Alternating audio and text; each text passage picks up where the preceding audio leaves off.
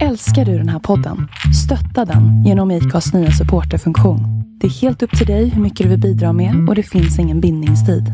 Klicka på länken i poddbeskrivningen för att visa din uppskattning och stötta podden. Hiring for your small business? If you're not looking for professionals on LinkedIn, you're looking in the wrong place. That's like looking for your car keys in a fish tank. LinkedIn helps you hire professionals you can't find anywhere else, even those who aren't actively searching for a new job but might be open to the perfect role. In a given month, over 70% of LinkedIn users don't even visit other leading job sites. So start looking in the right place. With LinkedIn, you can hire professionals like a professional. Post your free job on linkedin.com slash people today. What is the source?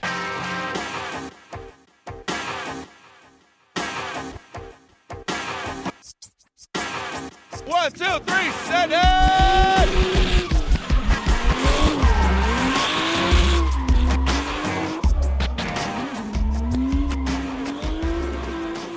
Välkomna till Driftpodden allihopa!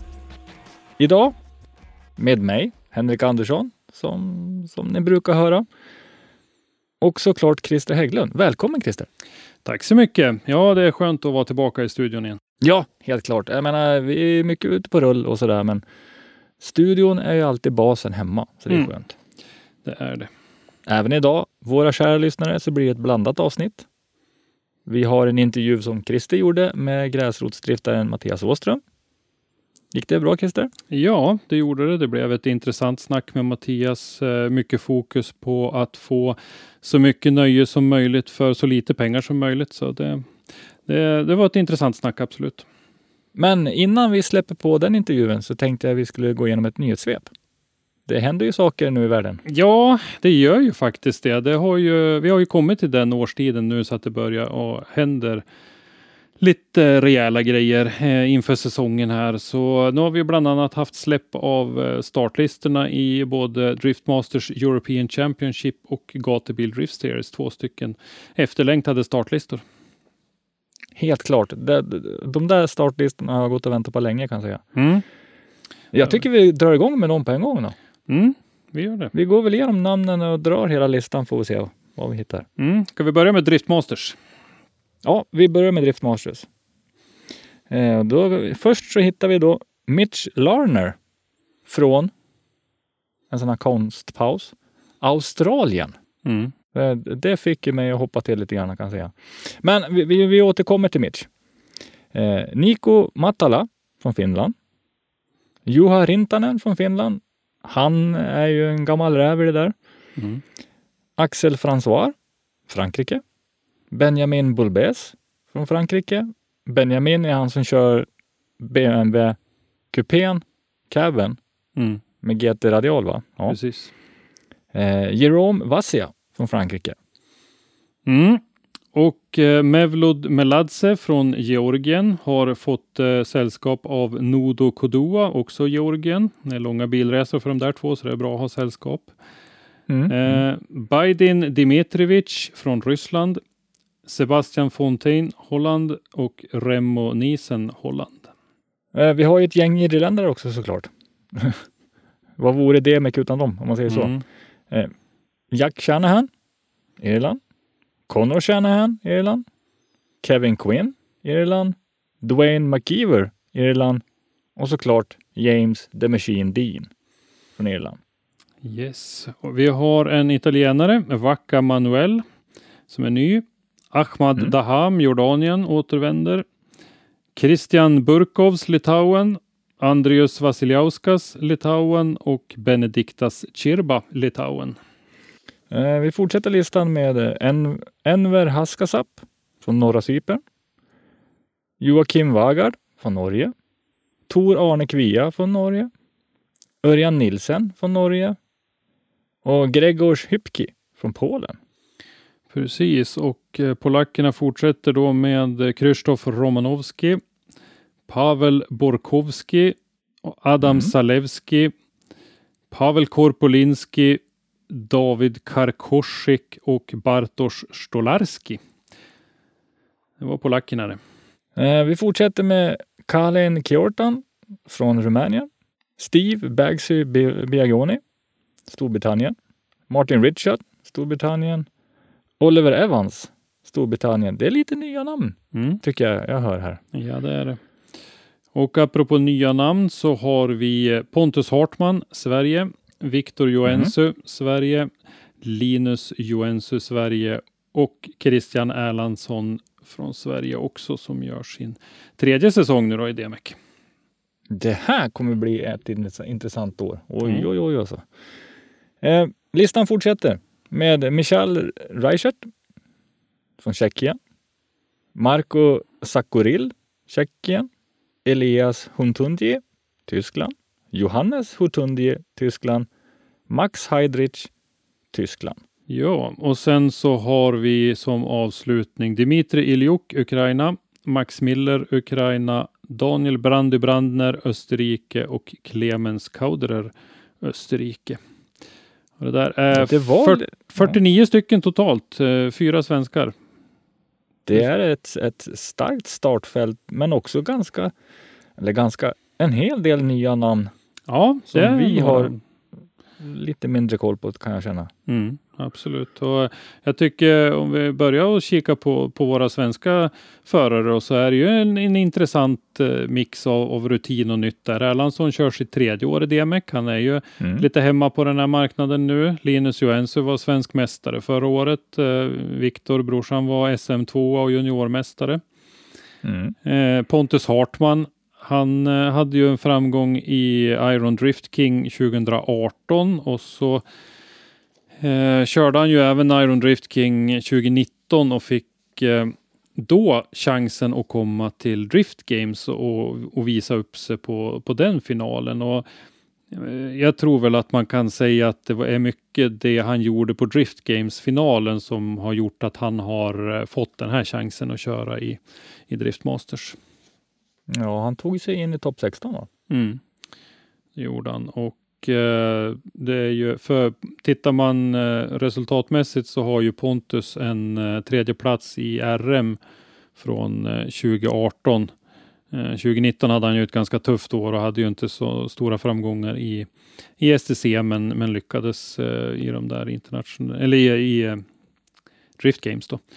Eh, ga, alltså, ganska bra. Ju, Alltså topp 16 kan kanske inte låta så märkvärdigt, men det var ju ett, ett stenhårt startfält så att eh, eh, det, det var, det var en, en, en bra tävling av honom. Han, han kvalade bra så där. Så att, eh, och sen så, eh, 2019 var ju inget bra år motormässigt nej, eh, för Hartman. Han hade ju väldiga problem där, men han fick igång det ändå Ja. slutet. vi hoppas ju att de har rätt ut allt det där. Och sen så tycker jag att eh, det måste vara skönt för Christian Erlandsson att och ha lite, jag vet att han samarbetar med några av de andra nordiska förarna, men nu är de i alla fall eh, tre svenska team, fyra förare som, som kommer åka på varje tävling. Och det känns ju som att eh, skulle det hända någonting och så där så, så är de säkert inte främmande att ta i och hjälpa varandra. Så att, eh, det, det måste vara lite skönt för Christian också och, och veta det, att han har, han har lite sällskap.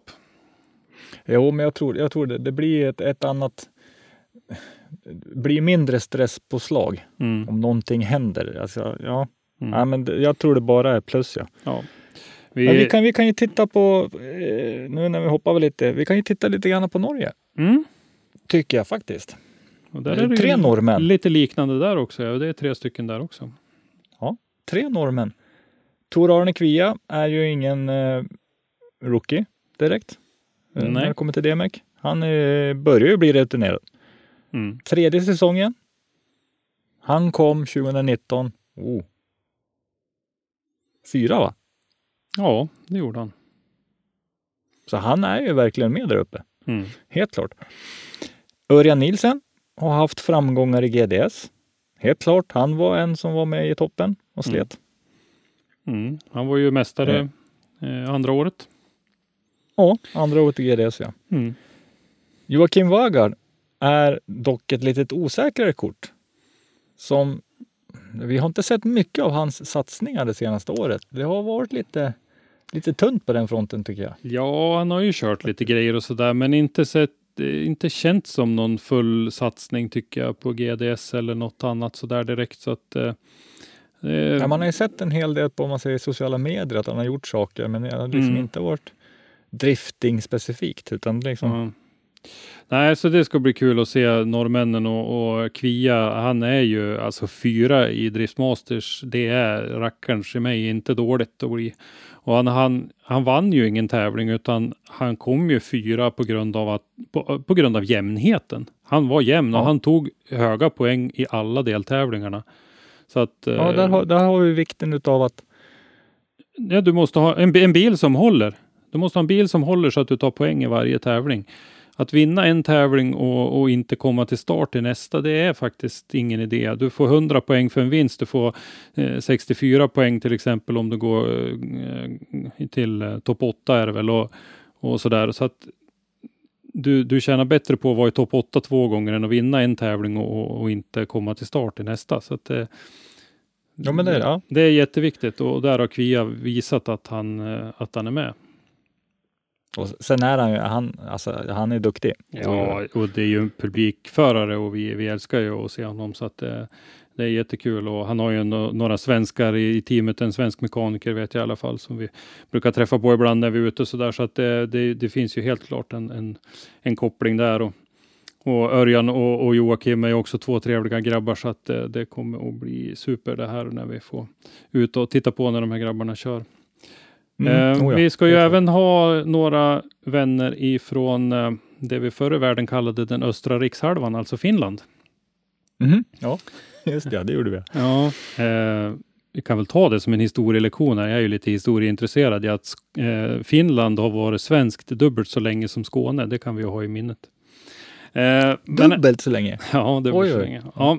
Eh, I alla fall så har vi ju några finländare med. Joa Rintanen, rutinerad också. Vi körde ju förra säsongen i DMEC. Vi såg honom i en tävling i första årets DMEC också. Eh, Han har rutin från Formula Drift. Och förra året så gjorde han ju några fina tävlingar i alla fall och jag tror att han kan ta ytterligare ett kliv 2020. Men eh, det vill nog till att han satsar hela säsongen om man ska kunna få med sig ett bra resultat. Eh, Han var inte med i finalen bland annat. Eh, 2019. Ja, precis. Ja. Mm. Eh, Nikko Matala är ett nytt namn för många och eh, vi har eh, satt vår reporter i Finland, Anastasia, på att eh, eh, intervjua honom så att vi hoppas att vi kommer att få lite mer info om honom innan eh, i god tid innan säsongen drar igång. Ja, för han har, känner jag inte till alls. Nej, faktiskt. inte jag heller. Mm. Men äh, Rintanen, jag, jag, jag glömmer aldrig plock. Han kör sin kvalrunda och han drar på så mycket rök så att han liksom störs ut själv mm. under sin egen kvalkörning. ja, den liksom... Ja, den är bra. Mm. Övrigt då? Jo, fjolårstoppen så har vi då irländarna. Vi har ju då James Dean, Dwayne McKeever, Jack Shanahan och Connor Shanahan. Mm. var ju allihopa de som slogs där uppe, Ja, skulle jag det, vilja säga. Det skulle ju inte förvåna mig om vi sitter här eh, om några månader och plockar ut eller och berättar om en vinnare och att det där är, är någon av de där fyra. Det skulle inte förvåna mig överhuvudtaget. Helt klart. Och då har vi också, Jack har ju då ytterligare ett år med bilen som han trivs väldigt bra i. Mm. Till exempel Dwayne McKeever har ju gott och väl visat att han håller ju jämna steg med, med Dean. Mm.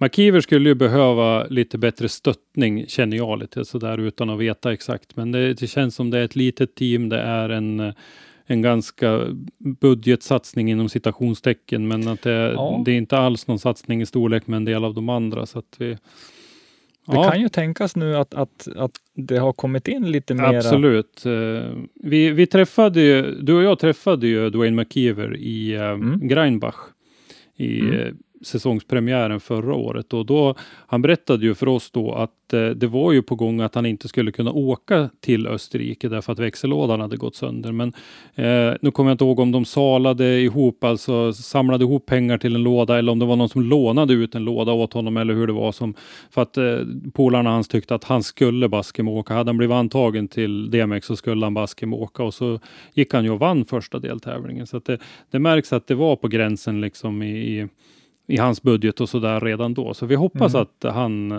får eh, lite bättre förutsättningar Eh, Connor Shanahan.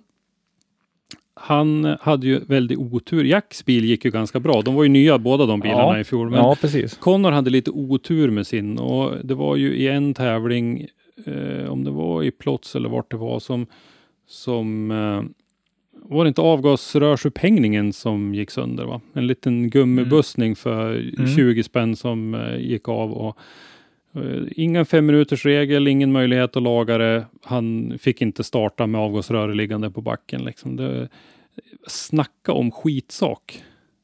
Ja, precis. Alltså vad, vad surt att sitta i bilen och så bara. Ja.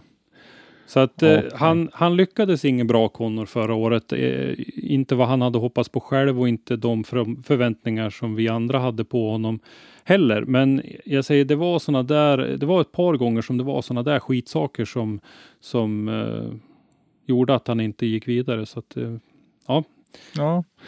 Nej, han hade otur. Otur, Mm, helt mm. klart. Eh, toppen, fjolårstoppen, hade också polackerna som var med dem och, och drog ganska mycket. Mm, Eh, jag menar, Adam Zalewski, han var ju ganska jämn skulle jag vilja säga. Det var, det var ny bil, men han kändes ändå mm. lite stabilare skulle jag vilja säga. Han, var ju, han var ju på pallen i Greinbach faktiskt eh, redan med sin Ja. nya bil. Eh, Gregor Schipski hade väl lite sämre år. Mm. Eh, Han eh, bygger ny bil nu. Eh, har vi ju sett nu. Eller det är väl Pavel Korpolinskis eh, Mapadama Motorsport som bygger åt Hypki. Ja, en eh, just S15 Nissan. Så det ska bli kul att se vad han gör med den. Vi vet ju att hans E30 var ganska speciell. Det var ju någon eh, nu sticker jag ut hakan lite där. Jag tror att det var ju någon M5 bakvagn eller någonting på de där som eh, men Ja. Det där har vi diskuterat lite förut med infästningarna som inte är tillåtna längre och det där och det, det är ju ett grymt grepp i de där bakvagnarna och nu så får vi se vad han kan prestera i en bil som är byggd då enligt ett modernt reglemente där eh, det, sånt där inte är tillåtet helt enkelt. Mm. Ja, det, det är rätt så publikinfriande se när han kommer på fullt rattutslag, full drift och när han gasar på ännu mer så ser man framändan lyfter sig. Liksom. Ja, det är Då har man grepp. grymt grepp. inne. Pavel Korpelinski, han känner ju vi i Sverige till ganska bra. Mm. Han hade ju- han hade en stark säsong, men jag tror han vill mycket mer. Mm, ja, och faktiskt. återigen, du var på plats i Ferropolis. Där var det ju en, en slang som halkade av som stoppade Pavel Mm. i, i eh, topp 4 battlen mot, eh, visst var det Bagsy? Ja. Eh, som Och då, var, då han, låg det jämnt. Alltså det, Ja, då var det jämnt mellan ja, dem. Pavel, Pavel hade tagit Bagsy där om de hade fått kört om det, men det, det, det gick ju inte. Då. Och eh, då vann han ju den eh, battlen om tredje priset där, så då, då blev han ju trea där. Hade mycket väl kunnat eh, kliva fram och, och utmana James Dean om segern i den tävlingen. Oh ja. Oh ja. Eh, Pavel också en som inte åkte till finalen i eh, eh, på Irland, Mm. tyvärr. Nej, det, Det, var, det var väl det som gjorde att han eh, placerade sig lite lägre ner i startlistan. Ja, ja, precis i totaltabellen. Ja, det, han halkade ju ner lite grann på grund av det. Så, så är det helt klart. Eh, ett namn som är tillbaka är ju faktiskt Dimitri Iljuk. Eh, Mm. Och eh, det är ju en intressant kille. Han körde DMEC för två år sedan. Förra året höll han till i Drift Kings. En spektakulär bil han har haft som skjuter eldslågor i, i screenpipen genom huven. Eh, nu är han tillbaka igen. Ska bli kul att se vad han kan eh, åstadkomma för någonting. Han är ju en lite wild gun eller vad man ska säga. Lite, lite ovårdad i sin körning och lite ovårdad som eh, ja, som idrottsman skulle jag vilja säga också. Eh, Ja, alltså, alltså det händer grejer när han kommer. Ja, det gör det och eh, jag har faktiskt inte hört någonting ifrån någon av eh, någon annan förare eller så, utan det är bara det intrycket man får att han är lite, lite vild. Ja, men men det- ehm, det, det går hårt och det går ja, snabbt. ja. Om man säger så. Eh, Red Bull Drift Brothers, eh, Elias och Johannes Hontunji, de eh, har ju inte sagt vad de ska köra med för bilar och det är ju många som tror att de håller på och bygger någonting nytt. Eh, Ja, för annars så borde, du, borde man ju ha sett att det är den vanliga BMW E30 och sen Precis. Johannes bil.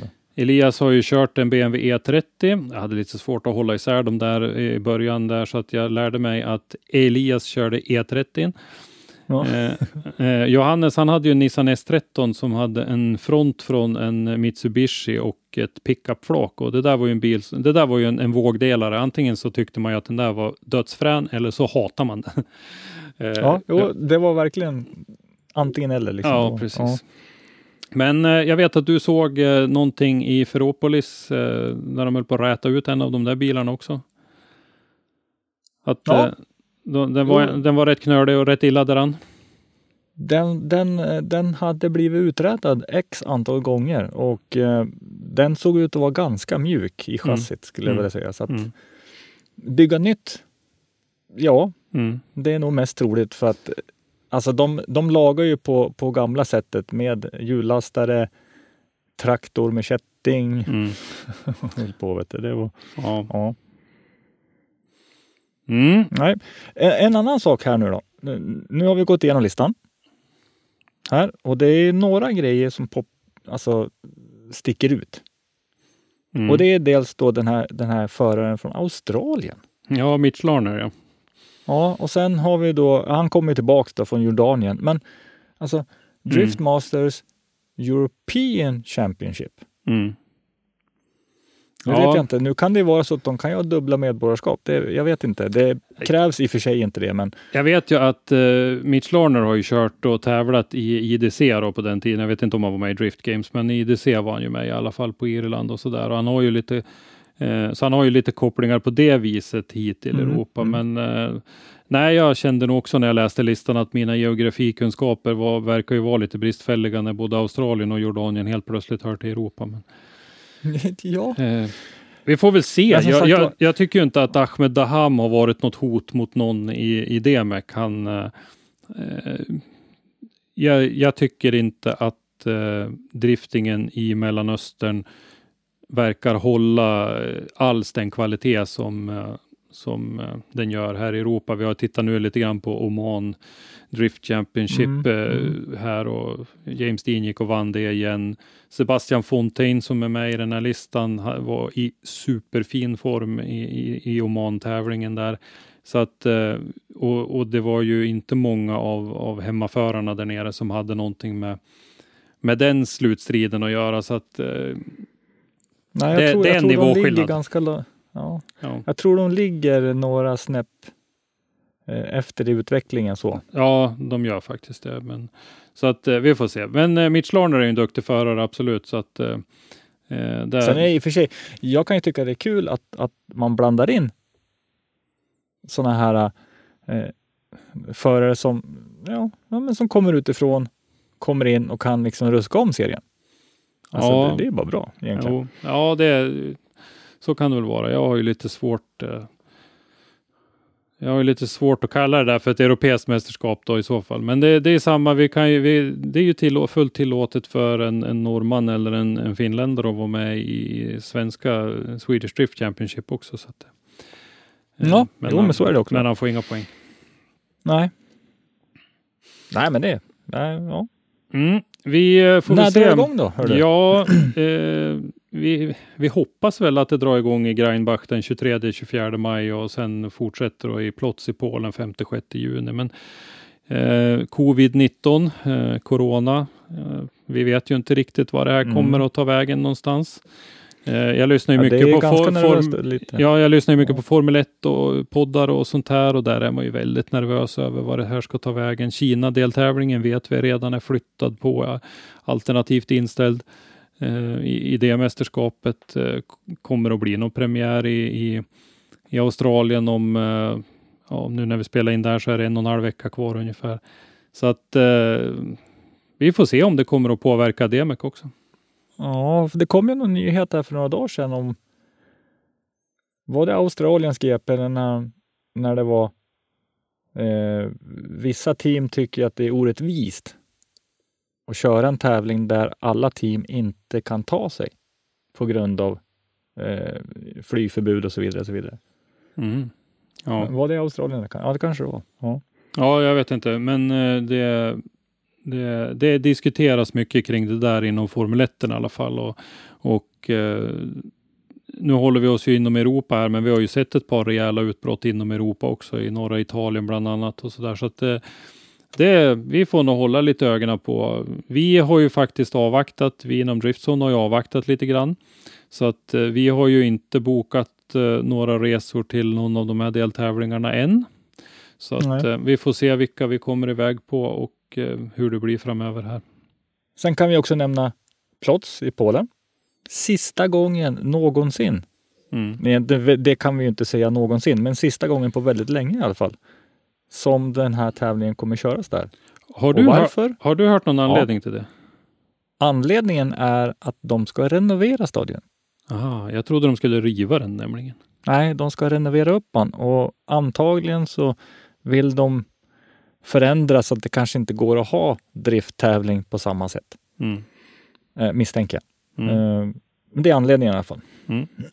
Ja, bra. Eh, men eh, vi hoppas ju det, att den eh, kommer tillbaka i alla fall för att det är ju en fantastisk tävling, en fantastisk stadion att ha driftingtävling på. Ja, och jag vill ha mera sådana här eh, inte bara rena racebanor utan men, Mm. stadstävling till exempel, eh, stadion och sådana grejer. Alltså Mm. det... Ja, nej, men vi hoppar raskt vidare, tycker jag. Ja, Och då är det väl inte värre än att vi tar startlistan i GDS tycker jag. precis. Vad tycker du? Gatubil Drift Series. Eh, fjär, Fjärde säsongen är det nu. Ja, det är det ja. Eh, ska vi dra oss till minnes eh, vilka som har varit mästare? Mikael Johansson, Örjan Nilsen och Johan Andersson. Mm. Eh, Så och två svenskar av tre säsonger. Ja. Mm, det är det. Eh, och nu i år då 2020 så är följande norrmän med i Gatubil Drift Series. Ole Mårten Davanger, Simen Olsen, Emil André Bogen, Alvin Lägreid, Öyvind Bogen, Marcus Furberg, Max Wonka, Fredrik Myhre, Olav Hasdal, Stian Björgängen, Petter Lövås, Tor Anders Ringnäs, Odd Helge Hellstad och Andreas Övergård. Mm. Det var inga, inga duvungar, måste jag säga. Nej, Det är väl Max Wonka som är eh, lite nyare ja det är det. eh, i de här sammanhangen då. Vi har ju ett gäng svenskar såklart. Mm. De är Tobias Olofsson, David Mellqvist, Tony Överstedt, Anders Haj, Alexander Granlund, eh, Mikael Johansson, Mikael Andersson, Henrik Johansson, Thomas Nyqvist, Rickard Ivars, Henrik Isaksson, David Skogsby och Andreas Lilja. Här nu. Mm, Här såg vi lite intressanta namn. Ja, riktigt kul att se att eh, David Skogsby som var svensk mästare 2015, Alexander Granlund SM2 2017 och eh, Rickard Ivars eh, gör comeback i tävlingssammanhang. Rickard Ivars eh, var ju eh, till exempel tvåa i, nej trea i eh, drift GP på Gröndal för eh, tre år sedan, 2017. Mm. Och sådär har Mm. ju en del meriter. Så det är alltså, jättekul att de är tillbaka. Ja, det är verkligen en blandning av rutiner- rutinerade förare, helt klart. Unga, hungriga. Mm. Jag menar Max Wonka och Andreas Lilja är ju två eh, i de här sammanhangen nya, Mm. kan man säga. Max Eh, Wonka men de är, är ju ju verkligen- en, en ung kille också bara och Andreas är ju också relativt ny som sagt men har gjort fina, fina resultat. Oh ja. Och de, de är inte rädda för att alltså, kliva på, kliva upp. Eh, Tor Anders Ringnes och Mikael Johansson. Mikael Johansson är ju den första mästaren. Är två mer rutinerade om vi tar den andra skalan. Mm. om vi säger så. Anders Haj fokuserar på GDS i år efter att ha kört både GDS och NES Drift förra året. Så Anders Haj kommer ju med en hel del rutin också. Ja, han har lite ny erfarenhet och det ska bli kul att se vad Anders kan, kan göra med den eh, och, och med lite fokus eh, på GDS i år. Ja, det känns som att han kraftsamlar och satsar lite grann på, på GDS i år. Ja, jag tror eh, köra fler serier, ja det kan man ju göra, men, men det blir nog lätt att man får svårt. Mm. Alltså, man- man bör nog kraftsamla kring en huvudserie. Sen kan man ju givetvis köra mer, men ja. Mm. Vi, vi har ju sett det de senaste åren, är att eh, från att det var flera förare som körde både SM och GDS. Eh, Jim Olofsson var ju rekordhållare som körde DMEC, SM och GDS för, för ett par år sedan här. Så var det ju egentligen bara Anders Haj som tävlade i två serier förra året som körde då NES och GDS. Mm. Så vi får se, men en som vi inte har på den här listan, det är ju faktiskt fjolårsmästaren Johan Andersson och eh, Ja. Vi har ju faktiskt ingen riktig koll på vad Johan Andersson tänker göra eh, nästa år. Det är ju faktiskt oklart om han drar sig tillbaka från tävlingsdriftingen igen. Den, den enda listan vi inte har presenterat nu då, det är ju Swedish Drift Championship och eh, det är väl lite oklart om, om Johan eh, han såg ju Gatubil Drift Series som ett sätt att komma vidare från SM. Han hade två SM-tecken komma vidare, vidareutvecklas. Så då tog han eh, steget upp till GDS. Så det känns som det skulle vara ett konstigt steg att kliva tillbaka till SM igen. Eh, faktiskt. Ja, det har varit väldigt tyst kring Johan tycker jag. Ja. Eh, Det har det faktiskt. Eller så sitter han och väntar på något svar på någonting. Ja, det, det vet vi inte. Ja, vi vet ju till exempel inte om NES har presenterat alla sina förare. De, eh, anledningen till att vi inte drar dem nu i det här svepet är ju att de presenterar ju sina förare på ett annorlunda sätt. Mm. Eh, de släpper ju nå, någon här och där och har ju släppt ett antal svenskar. Men vi vet inte, vi får liksom ingen komplett lista utan man kan ju anmäla sig eh, ända fram tills att tävlingen, eh, första tävlingen drar igång och man kan väl anmäla sig tror jag eh, och hoppa in senare i mästerskapet också så att det blir inget släpp på samma sätt som, som vi har fått ifrån DMEC och, och GDS i, just nu då. Nej, nej, precis. Du, du, du har ju så att säga ingen serieanmälning på samma sätt. Nej. Nej. Så är det. Men eh, de här 27 förarna nu då, som eh, Mm. ju antagligen kommer att kompletteras med eh, något wildcard i varje omgång. De kommer ju att göra upp om GDS 2020 på Vålerbanan den 23 maj. Mantorp Park 13 juni, Rudskogen 29 augusti och eh, Mantorp Park igen då 26 september. Är tanken. Mm. Ja, det ska bli intressant att följa faktiskt. Ja, och det ska bli lite kul att se vad de kör för banor också. Jag tyckte det var kul när Mantorp Park valde att köra i Mjölbydelen i junitävlingen och i Parisdelen i septembertävlingen 2019. Så att det vart eh, det blev ju då alltså fyra olika banor även fast två av dem var på Mantorp Park. Det är variationen som, är- som är Mm. bra. Mm. Så det tyckte jag var positivt. Ja, en annan nyhet. Mm. Nya Supran kommer in i Formula Drift. Ja, Det, det hade jag faktiskt...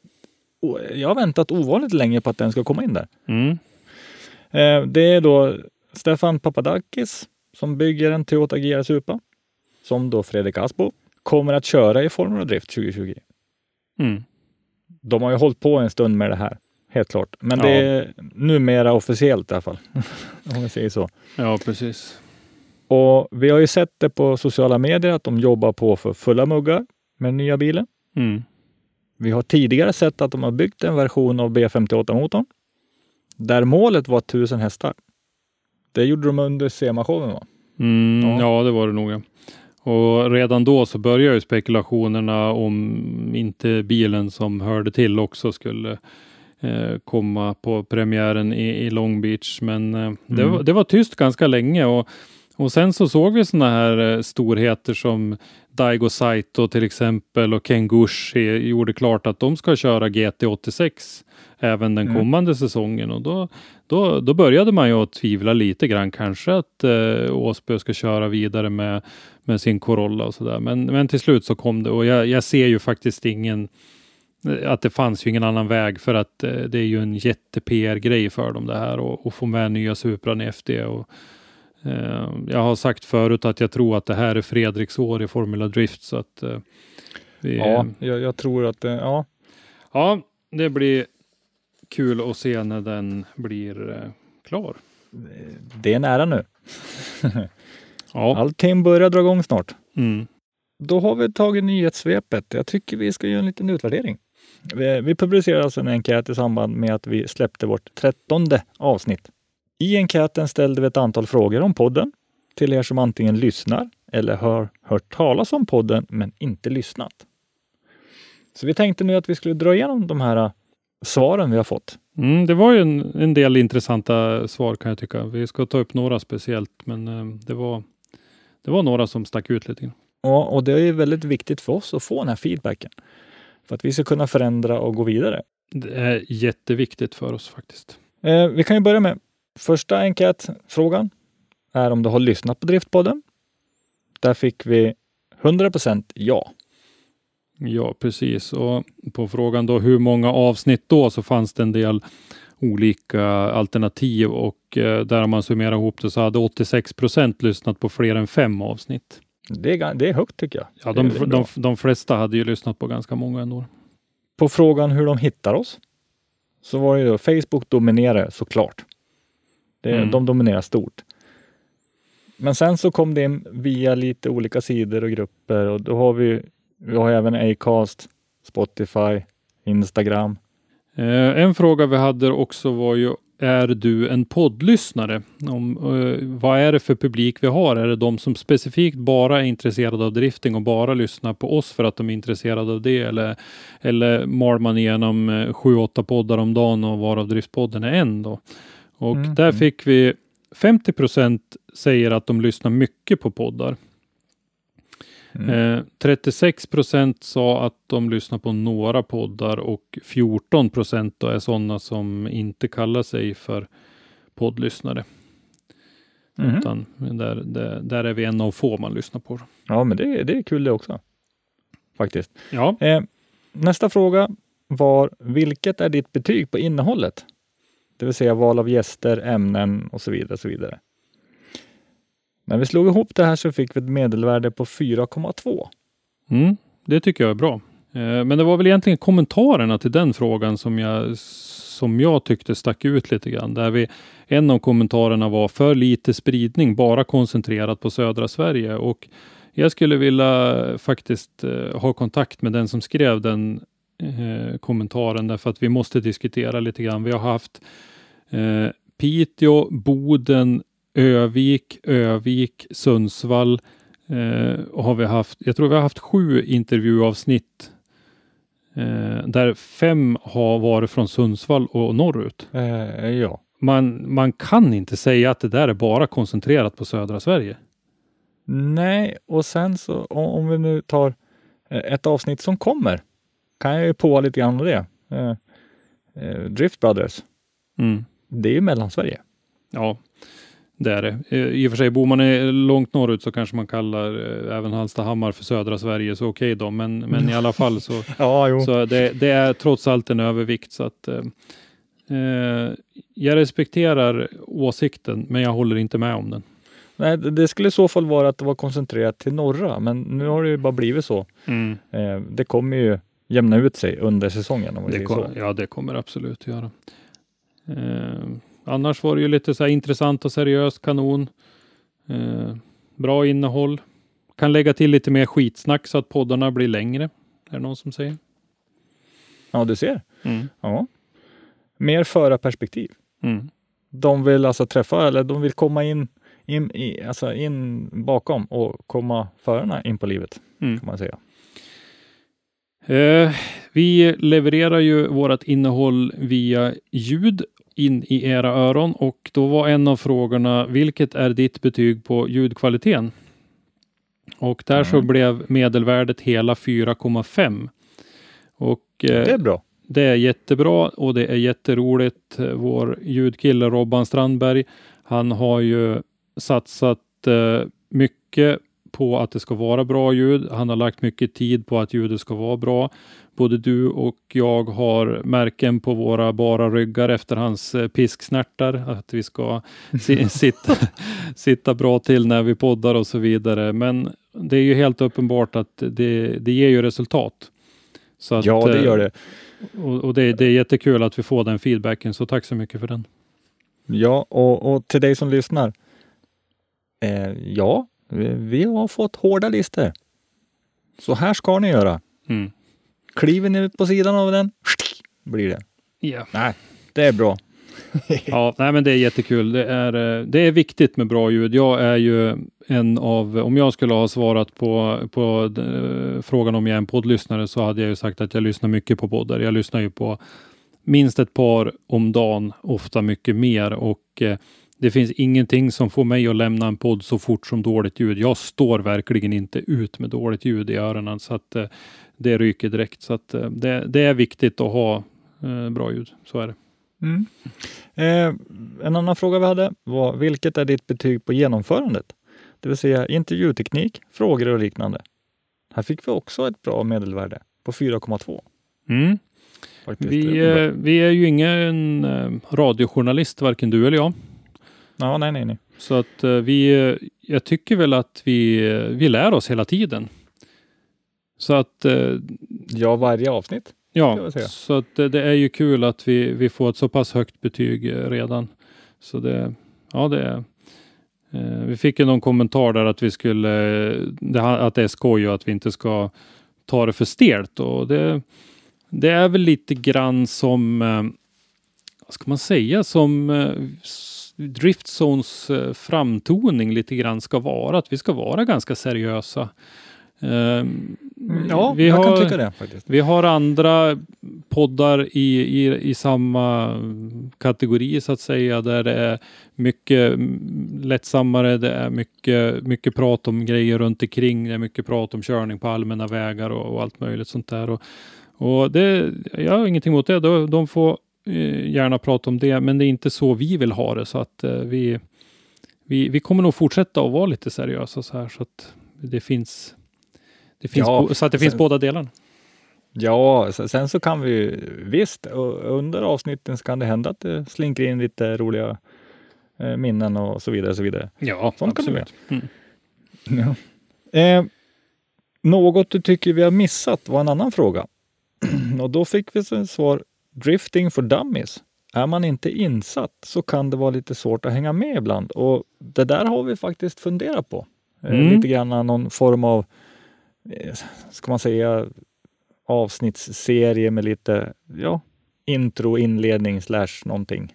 Precis, och då kan det ju faktiskt vara så att ni som lyssnar på det här som är SM-förare till exempel, ni, ni kanske inte behöver lyssna på de där programmen, men att vi kan, eh, vi kan ta det utrymmet och lägga ut ett par, tre, fyra avsnitt om, eh, om eh, hur, hur det går till och, och börja från början liksom för, för den nya publiken. Det är inte bara att sätta sig i, i, i sin bakhjulsdrivna bil, stämpla gasen och tro att man ska liksom göra någonting som kanske efterliknar drifting. Mm, nej, så är det och det är, eh, det är inte bara att sätta sig på en läktare på Mantorp Park och titta på en tävling och tro att man ska begripa hur det går till heller. Nej, nej Så att uh, vi, vi kan nog komma åt uh, och fånga upp båda de kategorierna i en sån serie. Och att vi har börjat titta lite grann på det. Vi har inte bestämt riktigt i vilken form vi ska presentera det än bara, men vi har börjat kika lite grann på det. Och vi, uh, ja, vi jobbar på saken helt enkelt. Mm. Mm. lyssnar du på andra poddar om motorsport? Om ja, vilka? där är det ju en tydlig tydlig övervikt för onroaders. Onroaders är gamla i gamet. De har många och eh, en, en trogen lyssnarskara som är stor så att säga. Mm. Eh, Maximum Driftcast, också populära. På engelska är ju det då. Mm. Eh, dessutom så är det några som nämner The Smoking Tire, FE Media, Tappad som barn, F1-podden och Indypodden. Så vi, vi har ju några lyssnare i alla fall som, som lyssnar på lite andra grejer om motorsport också. Mm. Ja, men det, det, är kul ändå eh, att de liksom tar upp oss i, i, i det också. Ja, de sitter absolut. och lyssnar runt och sen så finns, finns det liksom plats för oss där. Det är Mm. jättebra. Mm. Eh, en annan fråga vi hade, det var ju då något annat du vill säga till oss? Ris, ros, tips etc. Då fick vi till exempel då Keep up the good work. Kanske inte släppa podden på lördagar, var det en som skrev. Mm. Men han tror på fler lyssnare om, det, om man släpper avsnittet på en måndag. Och anledningen då, det var att man hinner glömma att avsnittet är släppt tills man åker till jobbet. Och jag vet inte hur många som lyssnar på poddar i samband med arbetsveckan. Mm. Det, det är nog ganska många i Peltorligan som, eh, som har poddar och eh, jag vågar sätta en eh, fem kronor på att det är Herman Jansson som har skrivit den där kommentaren. Han har, han har diskuterat den där saken med mig förut nämligen. Men eh, vi, är, vi är medvetna om det där. Vi får se hur vi ska tackla det bara, om vi ska prova lite grann eller hur vi ska göra. Men eh, annars så släpper vi podden på lördagar så brukar vi försöka påminna om den efter några dagar också så att eh, det, Ja, dyker upp i våra sociala medieflöden så att det kanske går att komma ihåg. sen så är det det vi är ingenting som är skrivet i sten. Men vi kan ju förändra lite grann beroende på vad som passar och vad som händer och så vidare. Mm. Så det får vi se. Ja, kör på bara. Det blir bra om ni fortsätter och betar av intressanta människor inom drifting. Mer info om hur drifting bedöms och vad förare kan tänka på. Det är väl kanske återigen då lite grann det där i, i Drifting for Dummies-serien, att vi tar upp lite grann om bedömning och sånt där. där. Mm. Mm. Sista frågan som det var. Vem eller vilka vill du höra som gäster i Driftpodden? Alla från, gräsro, alla från Gräsrot Elit, arrangörer och andra människor inblandade Mm. inom då drifting på ett eller annat sätt. Det var ju inte så specifikt, men eh, det var Nej. ju eh, ganska tydligt svar ändå att eh, det, det ska inte vara bara förare utan det ska vara lite, lite blandat allt möjligt. Mm. Mm. Svaren vi fick det var då till exempel Göran Svensson, SHR Sundsvall. Mm. Ordföranden där. Någon tjej som driftar vore också kul. Håller jag helt med på. Mm. 100 procent. Mattias Jönsson. Han är också en kunnig person. Mm. Fredrik Ösby. Mm. Eller hur uttalar man hans efternamn egentligen? Ja, jag säger Asbö. Åsbö säger jag. Det där är Åsbö. du, du, dubbel. A blir väl ett Å. Mm. Vi får se under året om man kan lyckas få tag på han på någon gatubil kanske. Om vi ska lyckas uttala namnet trodde jag du skulle säga. under, år, under året. Någon gång under året ska vi lyckas uttala hans namn. Ja, Nej, ja men det, ja. det kan vi sätta som, en, som en, eh, min träning. Mm. Jag ska kunna uttala det. Ja. Men absolut, Eh, skämt åsido, vi ska försöka få tag i Fredrik och om han har tid så ska vi försöka att göra något, åtminstone något lite kortare poddinslag med honom. Ja, helt klart. Eh, sen vill man även höra alltså, att vi checkar in hos lite gamla rävar, som till exempel Jens Stark, Kim Fors, Fredrik Sjödin med flera. Jim Olofsson, Fredrik, ja, Fredrik Sjödin igen. Mm. Eh, Åsbö igen där. Eh, det, det är ju lite, jag har ju klippt in lite grann av de här svaren så att det är en del som förekommer. Mm. Eh, Rickard Ivars eh, är på tips. Rickard vet jag att du har pratat med om att vara med i en podd, men då hade han redan eh, lovat eh, någon eller några andra att vara med så att han eh, nu har han ju varit med i Onroaders ganska nyligen här så att eh, men vi får se. Vi, Rickard är en Ja, av dem ja, som vi har Ivars- jobbat på. Ja, Ivars ligger ju så att säga en, det är en stående inbjudan om man säger så. Ja, Eh, precis. nu hade han inte möjligheten just nu när jag frågade. Men han har ju liksom inte stängt dörren utan han Nej, vill ju gärna. Absolut. Så det kommer när det kommer.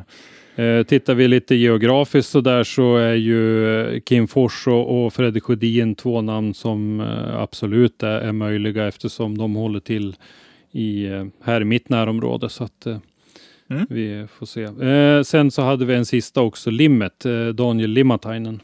Jag, tänk, jag har inte hört något om han på väldigt länge. Nej, det var ett tag sedan faktiskt. Men eh, han, han lever kvar hos eh, våra lyssnare i alla fall som vill höra honom och det, det är kul. Och helt klart så ska vi försöka att rycka tag i en del gamla förare. Det finns eh, massor med roliga historier att höra av de där. Och, vi, här är vi ju inte blyga och, och tipsa om andra, så om ni nu inte har lyssnat på Onroaders så finns det ju ett antal avsnitt där eh, driftingförare berättar om allt möjligt. Ett av mina favoritavsnitt är ju när eh, Jim Olofsson och eh, eh, Kalle Linnarsson åker till eh, Litauen är väl och hämtar eh, Ja, det, ja. 370 som, eh, som Kalle har kört. Det är ju en, ett favoritavsnitt, men det finns många där och eh, eh, Ja, många, många bra avsnitt, många, många guldkorn faktiskt. Ja, precis. Och eh, även Speed Circus eh, som vi brukar tipsa om är ju eh, Henrik Kammo Ryberg som eh, intervjuar också en, en del driftare. Så att, eh, där finns det lite grann att plocka i för er som inte har, eh, har lyssnat på dem. Ja, och det, det är det här. Det, det är så skönt när man kommer, eller skönt, det, det, är så bra när man får in svar. För det hjälper ju oss att lägga upp planering. Det hjälper ju oss Mm. att liksom hitta material, saker vi kanske inte tänkt på. Alltså det hjälper. Ja, helt klart. Och den där eh, enkäten ligger faktiskt fortfarande öppen ute. Så att om du som lyssnar på det här nu inte har fyllt i den så gå gärna in och gör det. Och eh, det finns en länk på vår Facebook som heter Driftpodden. Så eh, kika gärna in där så kan du få fylla i och, och hjälpa oss lite grann och komma framåt. Ja, och sen så vill jag passa, passa på att tipsa också att oavsett om du går in och fyller i enkät eller oavsett vad du gör. Har du ett ämne, har du ett namn, har du någonting du skulle vilja tipsa om. Så det, släng iväg ett meddelande. Ja, precis. Vi finns Via på Facebook eller vad som helst. Liksom. Facebook, Instagram. Eh, vi heter Driftpodden. Så ska vi försöka och, och göra er till viljes så gott det går. Ja, för jag menar, eh, nu kommer snart eh, säsongerna dra igång, men jag menar, det finns fortfarande utvecklingsmöjligheter Mm. åt alla håll och kanter. Så det, Mm. Ska vi ta och lyssna på vad Mattias Åström hade att säga kanske?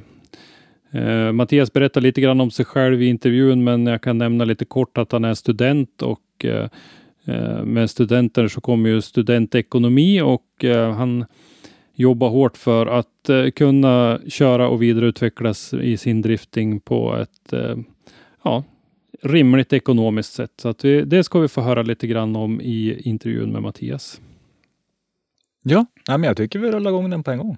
Mm, det gör vi. Så kommer vi tillbaka om ett par veckor med lite mera nyheter och eh, ytterligare innehåll. Ja, det gör vi. Då är det väl eh, intervjun med eh, Drift Brothers som sagt eh, som är eh, huvud, huvudrätten på den i den sändningen va? Mm, Drift Brothers of Sweden. Mm. Så att eh, det blir intressant. Ja, nu har ni hört då lite nyheter. Eller lite, massa nyheter, massa nytt. Men eh, nu hoppar vi vidare till gräsrotsdriftaren Mattias Åström. Driftpodden är en produktion från Driftzone.se. På Driftzone hittar du dagliga driftingnyheter från Sverige, Europa och resten av världen.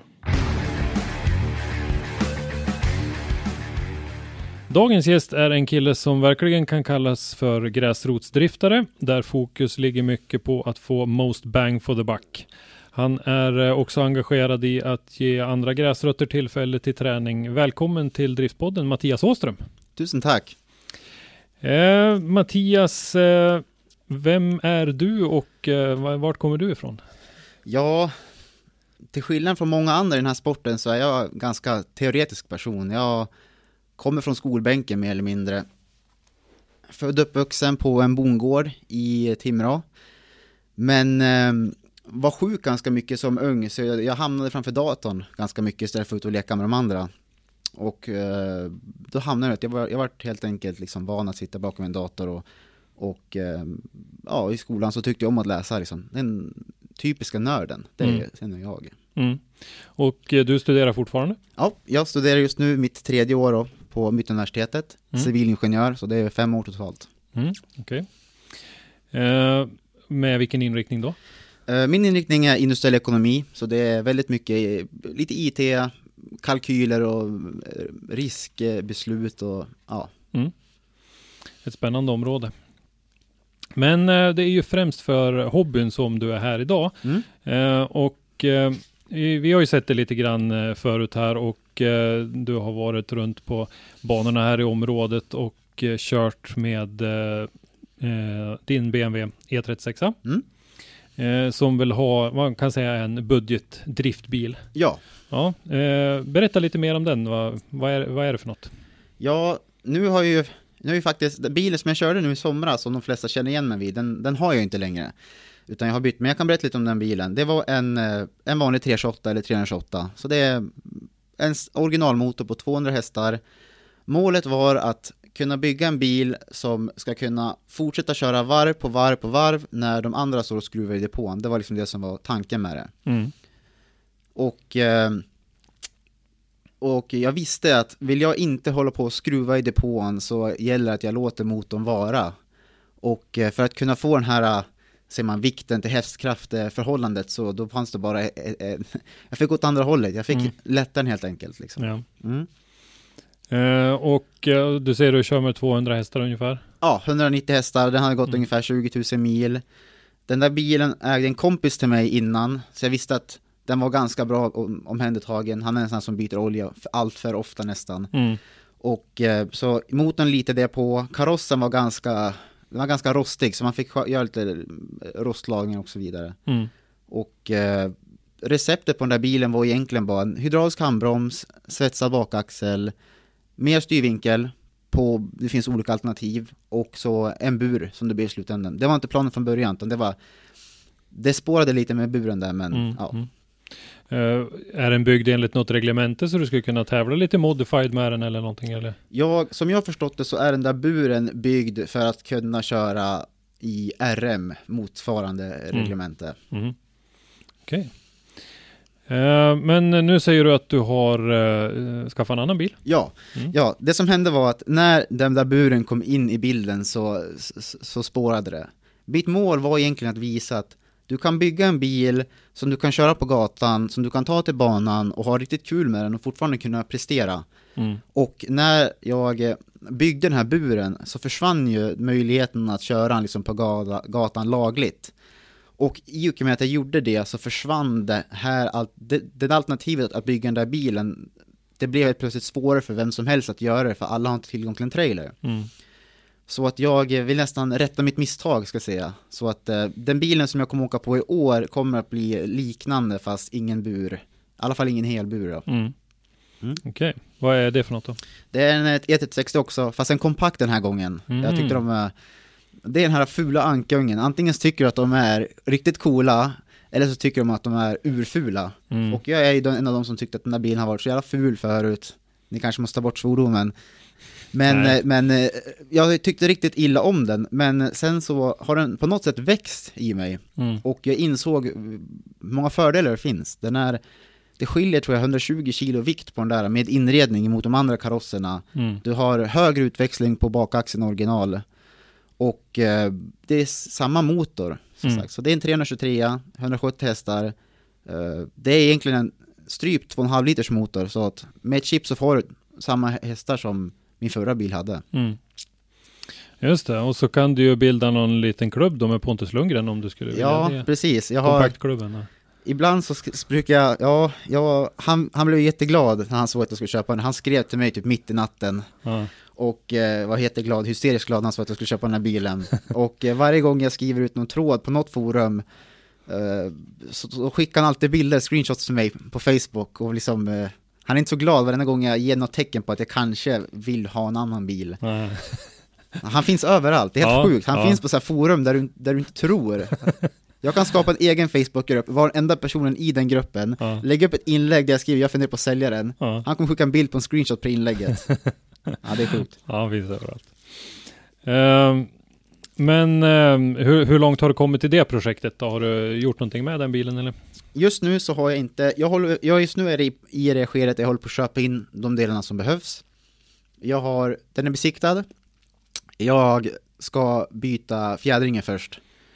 Jag tror alla stötdämpare på den där bilen är sopslut, så att om jag åker i ett gupp så är det typ som att sitta på havet i en eh, jolle och gunga i, tre kvart. Det är, är helt absurt. Men Mm. fjädringen kommer först och eh, till skillnad från förra året så ska jag faktiskt vara klar till avrostning på buset. Det var, det var någonting som jag fick lära mig förra året, att man ska verkligen vara ute en, två månader innan liksom. Det var, Mm.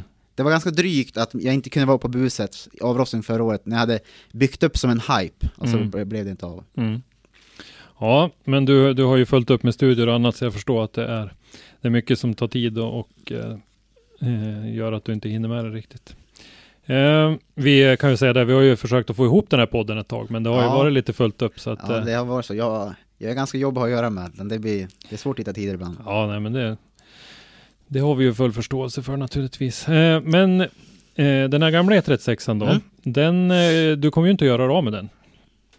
Utan eh, den kommer väl din flickvän att ta över, eller hur, hur är det tänkt? Ja, tanken var ju så här att vi var upp till Umeå och köpte en E36 åt, eh, åt min flickvän. Och så la vi upp en bild på Facebook och eh, liksom sa att hon, eh, hon, hon vill ju prova att köra. Mm, mm. Hon har, hon har äntligen accepterat drifting och tycker om det. Så det har varit Det har varit sjukt många gånger där jag har liksom, ja Inte fått sova över, jag har fått stryk, jag har fått inte, jag har inte fått någon mat, hon har Ja. gråtit Så fort man liksom ska ens ge en tendens på att men nu kör vi en sladd Och eh, Sen förra sommaren så tyckte hon att det såg så pass roligt ut När jag körde Så hon ville faktiskt åka med en gång Mm. och eh, då var det så att jag lät min kompis köra med henne första gången. Eh, han heter Christian, jag, jag har en YouTube-kanal och där brukar jag kalla honom för Chris G. Han är den som hjälper mig med bilar och sånt, han är jätteduktig på BMW. Mm. Och hon kände sig trygg med han men inte med mig. Så att hon åkte med han en gång och tyckte det var jättekul. Och sen hon fick se att jag hade liksom, jag kunde åka, jag kunde ta ett varv runt Mittsverigebanan utan att göra ett allt för stora misstag. Ehm, då vågade hon åka med. Mm. Och, så få, och så fort hon åkte en gång då insåg jag att det här är ju helt coolt. Mm. Och eh, sen där vart hon fast. Hon ville ha en egen bil som hon skulle köra på. Vi hittade den här bilen i Umeå. Sen så eh, bestämde hon sig för att eh, plugga vidare. Och eh, då stod det mellan att antingen sälja den här bilen som hon nyss hade köpt eller sälja sin E30 som hon har. Hon har en sjukt fin E30 som jag tycker. Och jag tyckte inte att hon skulle sälja den gamla bilen för att det är en bil som hon, det är liksom hennes drömbil. Mm.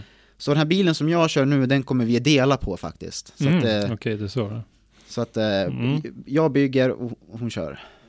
Så ni kommer att, dela på den och köra den på lite olika event Ja, i sommar då? precis. Och i och med att den här bilen kommer att bli gatlaglig, den, här, liksom, den, den, den kommer kunna gå igenom besiktningen när som helst. Mm. Så öppnar det möjligheterna för att kunna åka lite längre bort och kunna köra mer helt enkelt. Mm. Mm.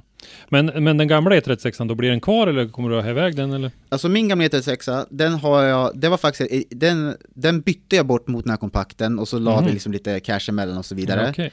Eh, hennes bil sålde hon ju, gick med att hon eh, behövde finansiera livet utanför studierna. Mm.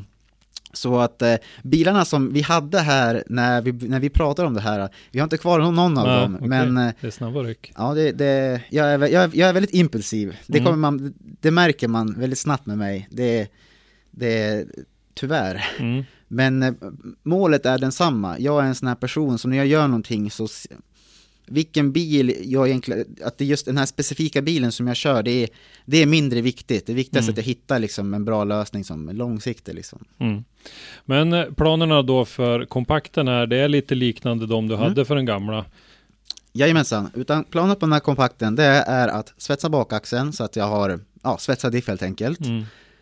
Och eh, stoppa på ett styrvinkelkit. Om det blir ett riktigt styrvinkelkit från kanske T-parts eller om man kör med adapter, det, det återstår att se. Det beror, på, det beror på vad man kommer över. Mm. En hydraulisk handbroms som man kan liksom låsa upp och ställa och rädda ställ och så vidare. Och sen inte så mycket mer. Eh, jag ska, jag, hade, jag var först skeptisk på att en 323 motor inte skulle orka. Det är ju 170 hästar så är det chippad. Men jag har sett så många klipp på de här galna polackerna som kör där nu, så jag har blivit, blivit riktigt triggad nu att, att köra liksom där, som de gör. Mm. Och eh, ju enklare den här bilen blir att, att, att bygga, ju mer tid och pengar har jag kvar över att lägga på däck. Och ju mindre, var, varje skruv som jag inte behöver röra på bilen visar andra att det här kan de också göra med en vanlig bil liksom. Så det är det som är, både för mig att ha kul och kunna liksom fokusera på att bara köra. Mm. Och för andra att få se att men det, här, det här kan jag lyckas med. För det var det som, som jag sa förut, när jag byggde buren, så det, det var jätte, jag tyckte det var jättekul och, och coolt och sånt här. Men syftet med bilen förstördes lite grann. Den där Mm. bilen, det, det, är som, det, det, är, det är som en bil som är byggd för turbo, fast det sitter inget turbo just nu, den, den gamla bilen. Mm. Ja, eh, och motorn blir orörd även här då. Hur, hur tror du att det kommer att vara att, köra 2,3 liter mot 2,8 då? Det är ju ändå en, en lit, lite skillnad. Ja. Även om effekten är ungefär samma så blir det väl lite annan karaktär på. Ja, alltså nu, blir- nu blir det lite en history lesson här. Mm. Eller ja, det är, det är väl de flesta som vet om det här. Men BMW har ju, om vi snackar 90-talet när E36 kom ut, då hade man ju 325 och eh, 328 och så hade man M3 liksom som de värre, värre modellerna. Mm. Och M3 i USA, den är, den är väl liksom mycket, den, den, den har mindre effekt och hästkrafter än den i Europa. Den Mm. har 265 hästar eller något sånt här. Och 328 ursprungligtvis har typ 230 hästkrafter. Den har liksom, den har, den, det var bra fart den från början. Mm. Men den var för nära E36 eh, M3 i USA. Så de valde att strypa E328. Och eh, då har man ju alltså 325 och 328 som har liksom typ samma effekt. Eh, 328 har lite mer bottenvrift och lite större motor och så vidare. Mm. Men det var liksom ingen skillnad på dem och det blev lite fel i, de sålde fortfarande oerhört bra men det blev, det blev mycket onödiga kostnader för BMW. Mm. Eh, Så då byggde de 323 och 323 är en strypt 325 så att eh, det blir en 2,5 liters motor för mig i år och jag tror det kommer funka jättebra. Jag hade, det är lite vridmoment som jag tappar men i och med att jag har en högre utvecklad diff och att bilen skulle jag säga är marginellt lättare än min Touring var för den buren väger lite grann som jag hade den. Mm. Så jag tror det kommer gå bättre i år än förra året. Mm. Ja. Och det, inga, inga tankar på turbogrejer utan det, det ska fortsättningsvis vara Mm. så original som möjligt eller? Ja, så det, man är alltid sugen på turbo och så vidare. Mm. Jag har ju 10 000 in varje månad i bidrag och CSN-lån och eh, när jag är klar med skolan då, då, då, då är jag nog villig att ta det steget. Då, då bygger jag nog förhoppningsvis en bil som inte behöver vara gatlaglig utan då kan man liksom bygga en bil all in liksom turbo Mm. och, och bur igen och så vidare. Ja. Mm. Eh, vi eh, har ju sett dig som sagt på eh, Mittsverigebanan bland annat. Mm. Buset är ju en eh, ganska flitig besökare på. Eh, hur, hur tycker du att det är att köra där?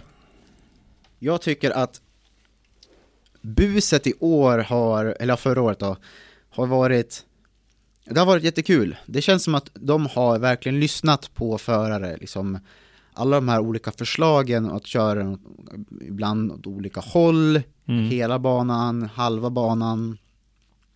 Jag tycker, det, jag tycker det har blivit väldigt bra. Det, det är ju som ett annat driv på banan nu när de har de här ägarna som, även fast de Mm. delägarna någonstans också är, liksom vill få ut någonting av det, så de, de är engagerade i banan. Mm, ja, engagemanget där är det ju verkligen inget fel på nu. Precis.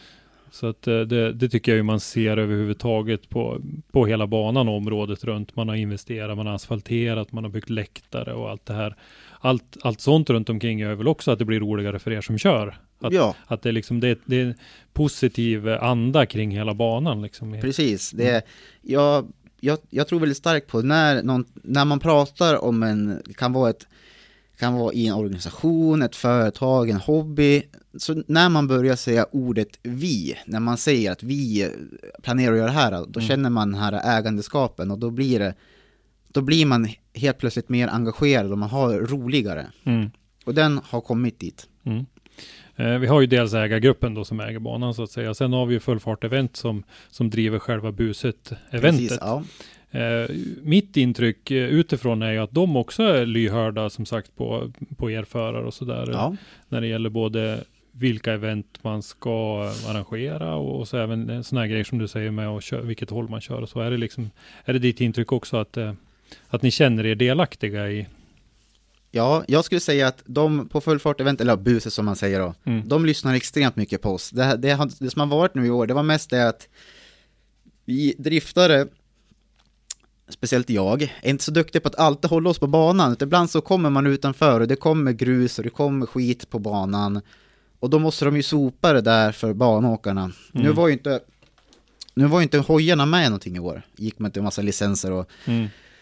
Byråkrati. Men det som blev då några gånger, då körde vi den här mindre slingan på Mittsverigebanan. Där man liksom, istället för att åka hela rakan ut och ta vänstersvängen så svänger man till höger.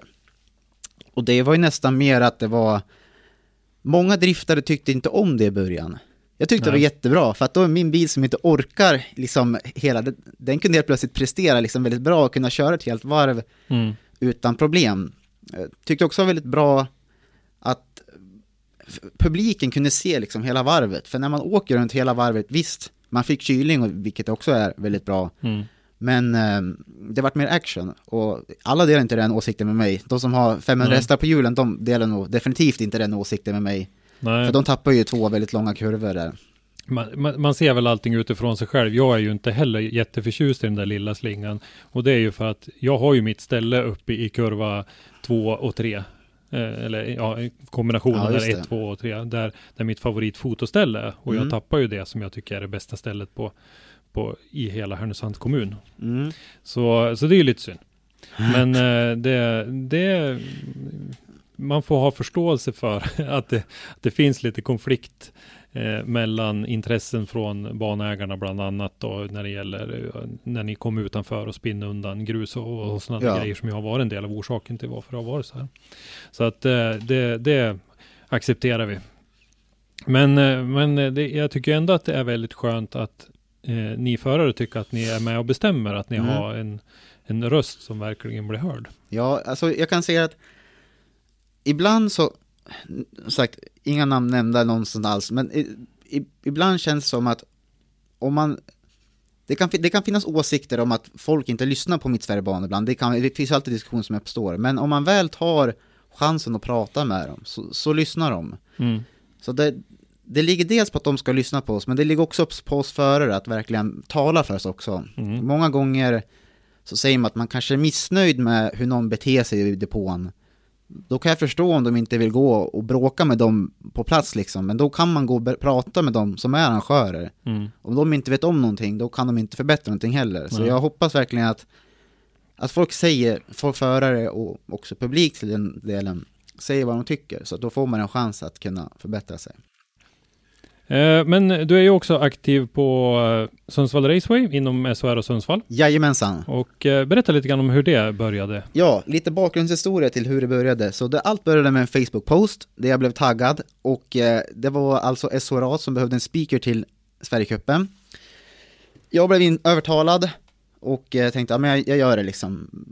Du, du vet när man sitter i kalsonger vid datorn, då känner man sig, då är man ju oövervinnlig. Så Ja, jag, jag på det här ja. Sen när man stod var man inte så kaxig längre. Nej. Hur som helst, eh, jag var där och gjorde den här grejen, snackade. De tyckte att det gick ganska bra. Jag tycker att det hade kunnat gått bättre. Är första gången, man, det är svårt att göra någonting perfekt. Ja, jag var där och lyssnade. Du klarade det med, med den Ah, äran, så det var tack. ingen fara. Tack.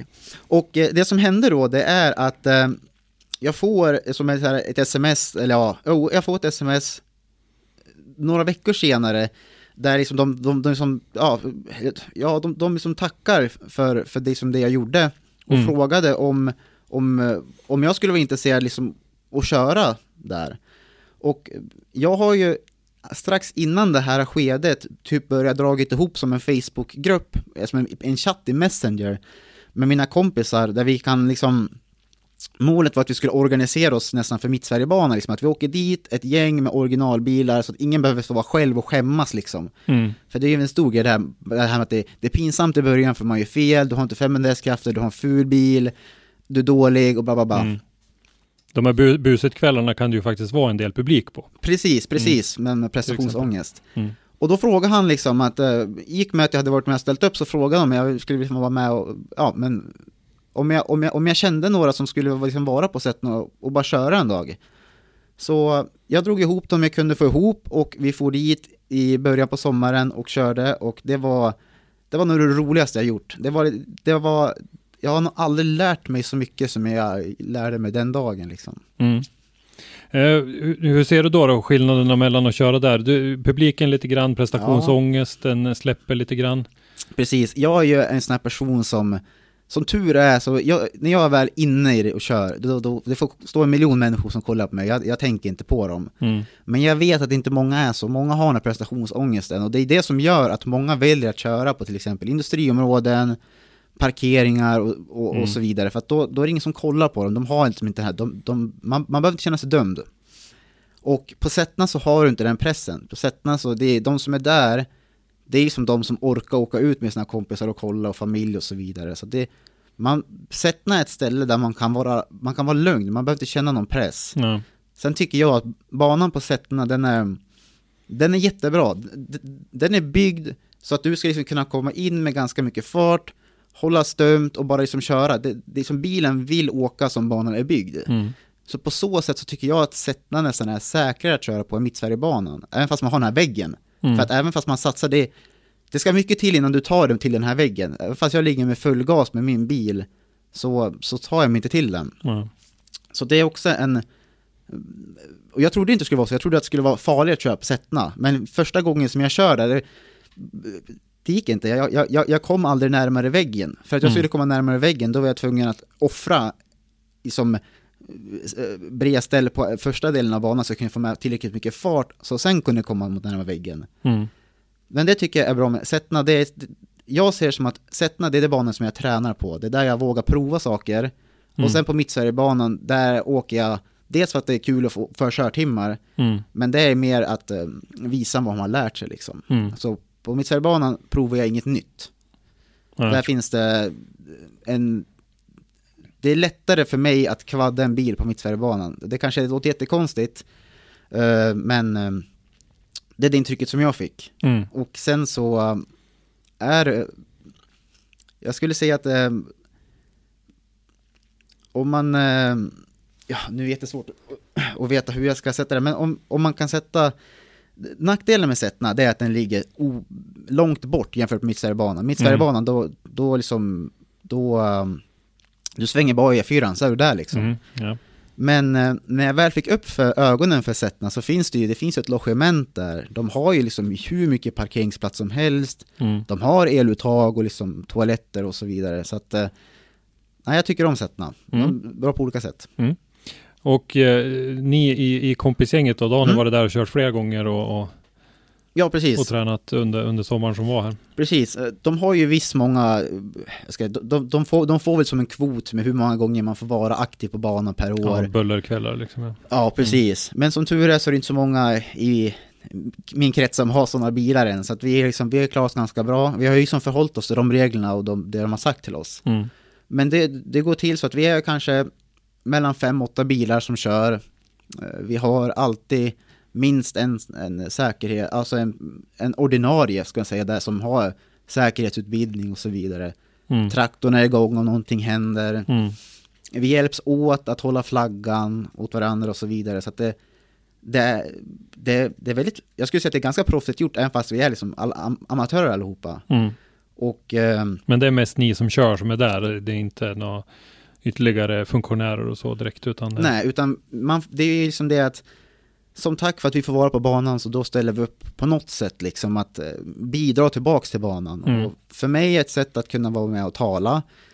Eh, vi vet till exempel min flickvän Sung och Ante, han är inte min flickvän men han, man kan nästan tro det. Som han, som han, är med, han, han sov nog över hos mig mer än min flickvän i somras. Okej. Han bor i Härnösand.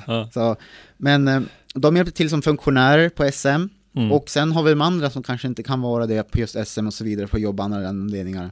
Då hjälper de oss andra i gruppen, så alla har liksom bidragit på något sätt. Mm. Så att det, Det måste ju vara jättevärdefullt för klubben också att få in ett gäng sådana engagerade medlemmar. mm, precis.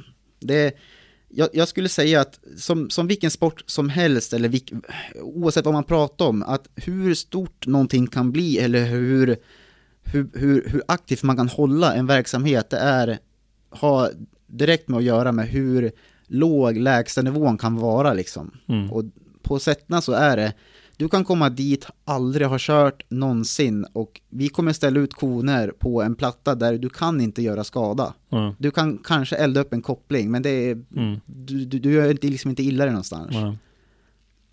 Och eh, när ni kör då, eh, varierar ni riktning och sådär? Den där banan körs ju åt flera olika håll. Eh, Lägger ni om så ni tränar lite olika så eller hur har Ja, ni gjort? På en av de här körningarna så provade vi att köra Vanligtvis så brukar vi köra den här, nu vet inte jag om, om, om alla som, alla har inte varit på Sättna Men man kommer från... Eh, nu ska jag se, hur körde de? Jag har, jag har, jag har förträngt hur de körde i somras på, på SM. I, I somras på SM körde man ju vänstervarv. Precis. Eh, normalt sett, eh, det har ju förekommit båda under åren förut också, men högervarv har ju varit vanligare. Mm, precis, när man kommer där och får initiera på ett högervarv i början. Mm, börja vid grinden och, och, och börja med en högerkurva. Precis, Mm. och, och det har ju varit den som vi har kört mest. Vi provade åt andra hållet en gång, men i och med att man kommer med ställ där då den här muren börjar så finns det en risk att man plockar den där. Mm. Kommer man med den här andra högersvängen, då börjar muren på ett ställe där den börjar liksom vid insidan av en kurva och du ligger Mm. på utsidan. Mm. Så att vi har hållit oss till högersväng. Ja. Eh, vad, eh, annars tycker jag att eh, banan som var i somras på, på SM Mm. eh, var ju den bästa som har varit på, på Sundsvall Raceway någon gång. Ja, Jag tyckte det varit ett, ett otroligt bra flyt i den. Den varit lite längre, den har varit lite kort tidigare och så där. Så att jag tyckte att den varit jättebra då, åt det hållet. Ja, jag, jag, jag, tyckte att eh, det, var, det var intressant för de kom in med jättemycket fart och sen så eh, liksom fick de ja, anpassa sig mot muren Mm. och, och sen var det lite långsammare och sen så fick de öka på igen. Men eh, jag provade den där svängen, min bil orkade inte. Nej, jag kan tänka mig att det behövs lite mer effekt för, att- för att klara den där långa första svängen. Mm. Mm. Eh, komma tillbaka lite grann då till det här med, med publik och inte och sådär också att eh, när ni är på buset och kör så, så är det ju då är det ju lite konkurrens. Eh, Kim Fors eh, brukar ju vara där ibland Mm. till exempel. Eh, välrutinerad, välbyggd bil, mycket effekt. Eh, Johan Andersson, SM-förare, brukar vara där. Mm. Eh, och några fler. Eh, eh, John Martinsson, eh, likaså SM-förare. Så att jag, jag förstår ju lite grann, för publiken ser ju inte ditt gräsrotsengagemang Mm. kanske på, på samma sätt. Och, och, och värdet i bilen så att säga. Jag vet inte riktigt vad Kims eh, nybyggda bil gick på, men jag, jag, jag är rätt övertygad om att den är dyrare än din i alla fall. Alltså jag ska säga att om han, kostnaden att köra två evenemang för han, det är snäppet mer värt än vad min bil allt som allt är liksom värt. Det är, Mm. det är såna sjuka kostnader. Mm, och vi, det det. vi har gjort som så att vi har gått, åkt runt och pratat med, med som olika däckbolag och så vidare här. Och inte frågat om nya däck, utan vi har sagt till dem att om vi får ta begagnade däck som ligger här utanför, eller om ni sparar däck som inte går att sälja men inte är så pass fula att man kanske behöver slänga dem. Då, då tar vi dem gärna och vi, eh, vi slänger dem inte här när de är slut sen, utan då åker vi direkt till återvinningsstationen. Mm. Och eh, vi har liksom hjälps åt med det där, så att vi har ju på däcksidan har vi kommit undan ganska bra.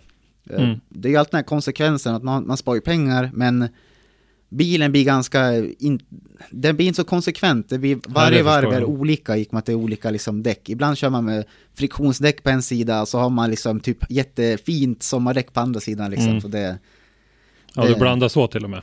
Ja, man, Man, man, man tror att man har koll på vilka däck man ska köra och vilka par man ska ha, men när man väl är i depån och så har man kört och så smäller ett däck och så tänker man, jag hinner in och byta däck, nu ut. och då tar man bara ett däck och så byter man och sen när man kommer till infarten, ja, då får man inte ut.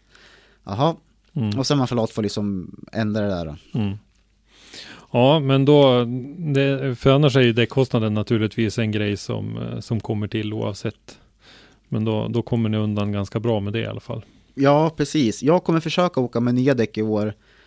eh, Bara för att jag vill kunna ha en bil som beter sig liksom likadant varv efter varv efter varv. Mm. Eh, sen är det också så att om man kan investera i nya däck så räcker de ju längre också. Så att det här med att man kommer undan billigare, eh, ja, i mitt fall så jag har ju typ 30 fälgar som ligger och kunde liksom pula in dem över, jag, överallt. Jag har liksom, jag fick in 17 fälgar i min bruksbil liksom väg upp till huset, så har man det i två bilar. Så att Mm. orkar man hålla på då är begagnade däck bra. Men jag ska prova nya däck. Mm. Det ska vi inte... Jag hoppas bilen orkar, det är det. Så om Mm. jag slutar åka med nya däck, då vet jag, då var bilen för svag. Eh, vi, vi har ju pratat med en del SM-förare Mm. eh, och eh, vissa gick ju då från RM eller Sverigecupen upp till SM förra året Mm. och då klev man ju även upp från, från gatdäck till R-däck. Och det var ju många som byggde om bilar och, och så vidare och så där. Men man sa ju det att den största skillnaden man upplevde var ju bytet av däck. Mm. Eh, så att eh, jag, jag kan tänka mig att du kommer väl att uppleva samma skillnad också, fast, fast lite längre ner på stegen så att säga. Mm, precis. Att eh, dels med bättre grepp och, och dels få eh, samma grepp. Så att du vet hur du ska bete dig med, med bilen när du kommer in i, i en kurva. Så det förstår jag att det är eh, önskvärt. Eh, men eh, efter den där gången du hade varit speaker på Sverigecupen då, Mm. så, så fick du fortsätta lite grann med det också. Ja, de frågade mig om jag ville vara speaker, eller ja, de antog att jag skulle vara speaker på, på SM och det var väl lite deras plan där att nu låter vi Mattias köra lite grann på sätten här nu, Mm. he owes one, okej, så att, eh, men jag sa jag kör på det här, jag fick ju prata med Pontus och eh, han är ju väldigt van på att surra, han Mm. kan det, han har den här jargongen, den här bilkultursjargongen i sig. Jag Mm. är ju liksom en liten outsider när det kommer till det här, jag är det här svarta fåret, den här typ biologinörden, liksom, programmeraren. Så ska Mm. jag bara prata med inför bilfolk liksom. Det, ja, det var intressant. Ja, men det gick bra. Eh, och det började ju på samma sätt för, för Pontus året innan. Mm. Han vart ju inkallad lite, lite raskt där som, eh, som sidekick till eh, Dennis Stavon då. Ja, just det. Eh, hur, hur tycker du att det ser ut i år då?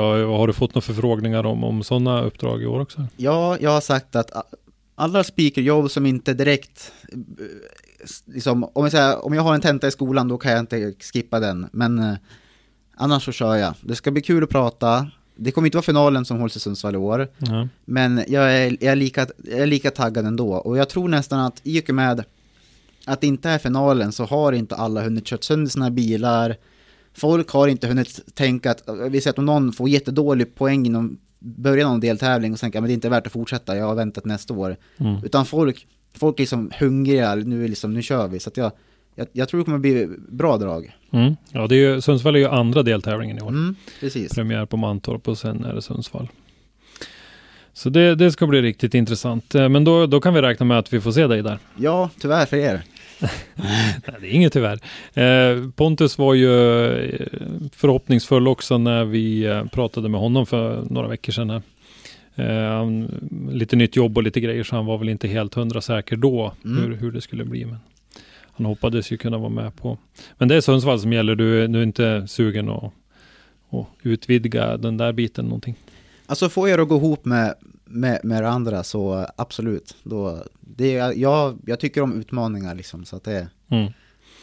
Eh, och eh, det här speakerjobbet då är ju inte heller det enda du har tagit på dig, utan jag har ju sett att du har fått en, eh, en, en fin utmaning i att hålla föredrag på, i ett annat sammanhang också. Berätta lite kort om det. Va? Menar du TEDx? Ja, precis. Ja, ja, vad gjorde jag där? Ja, det här var också sån här, jag är en person som går på extremt mycket på känsla. Jag, jag kan ha en känsla i kroppen som bara skriker, det kan vara som ett gitarrsolo i min själ liksom.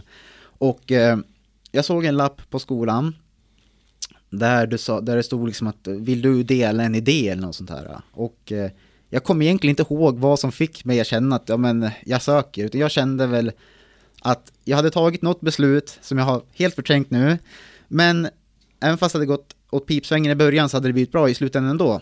Så då tänkte jag att ja, men, ja, men jag kör där och ska snacka om, eh, om misstag. Mm. Och det värsta som kan hända tänker jag det är att det blir en flopp och sen så kan jag ha det som exempel när jag snackar att gör gång. Ja, precis. Ja. Live example. Ja. Så jag ska prata om misstag och eh, det kommer handla kort och gott om att man ska man ska våga satsa på det man tror på. Man ska inte tänka för mycket och eh, eh, att göra misstag det är att lära liksom. Det, Mm. det, det, det låter jätteklyschigt och sen så får jag på något sätt försöka, ja, de, de vill ju ha det lite så här faktabaserat. Så det får bli lite, det kommer bli historielektion om kanske några grekiska filosofer, franska filosofer och det kommer knytas upp, jag, jag tror det kommer bli bra. Mm. I vilket sammanhang kommer det här och, och hur kommer det här att gå ut då? Du menar vart vi ska hålla till? Ja, och kommer det att sändas någonstans Ja. eller är det något lokalt? Eller? Ja, det här är ju ett, som ett mini-evenemang, för TEDx är ju som en stor konferens som hålls i Kanada en gång om året. Och det här är definitivt inte det evenemanget. Eh, men det kommer hållas på Grönborg. Det är som en, eh, en stor, ett stort hus, en stor lokal nära Mittsverige, Mittsverigebanan tänker jag på nu, Mittuniversitetet. Mm. Som ligger på gatan längre ner om man tänker polishuset och så åker man mot Big Boy. Mm. Och det kommer vara livesändning och så finns det också biljetter, jag tror det är 100 eller 150 åskådare som får vara där. Mm. Så kommer det gå företag, kommuner, så pressen är på mig, alla kommer stå och stirra.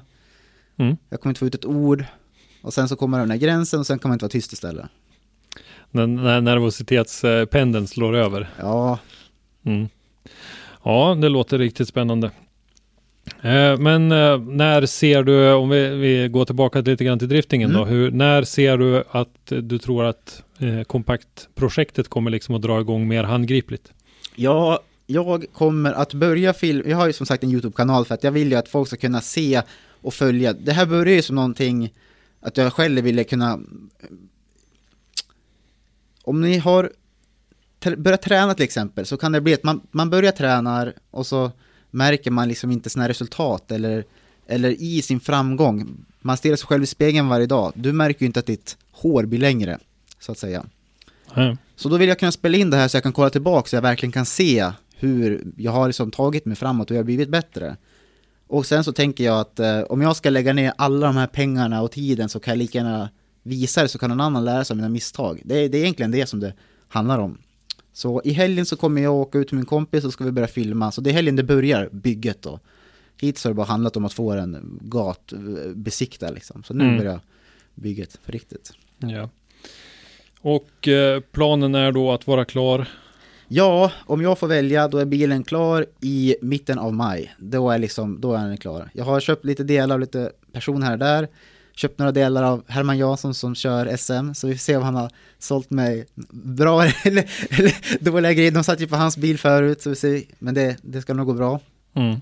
Så i mitten av maj, då ska den vara redo. Och eh, det är ju avrostning på mittseriebanan och är det någon som känner att ni skulle vilja åka jag kan ju inte lova att jag hinner med om det står 100 personer och linar, då, då kan inte alla få åka. Men de som vill åka med mig får jättegärna åka med mig. Jag kommer ha nackskydd med mig, jag har extra hjälm och handskar.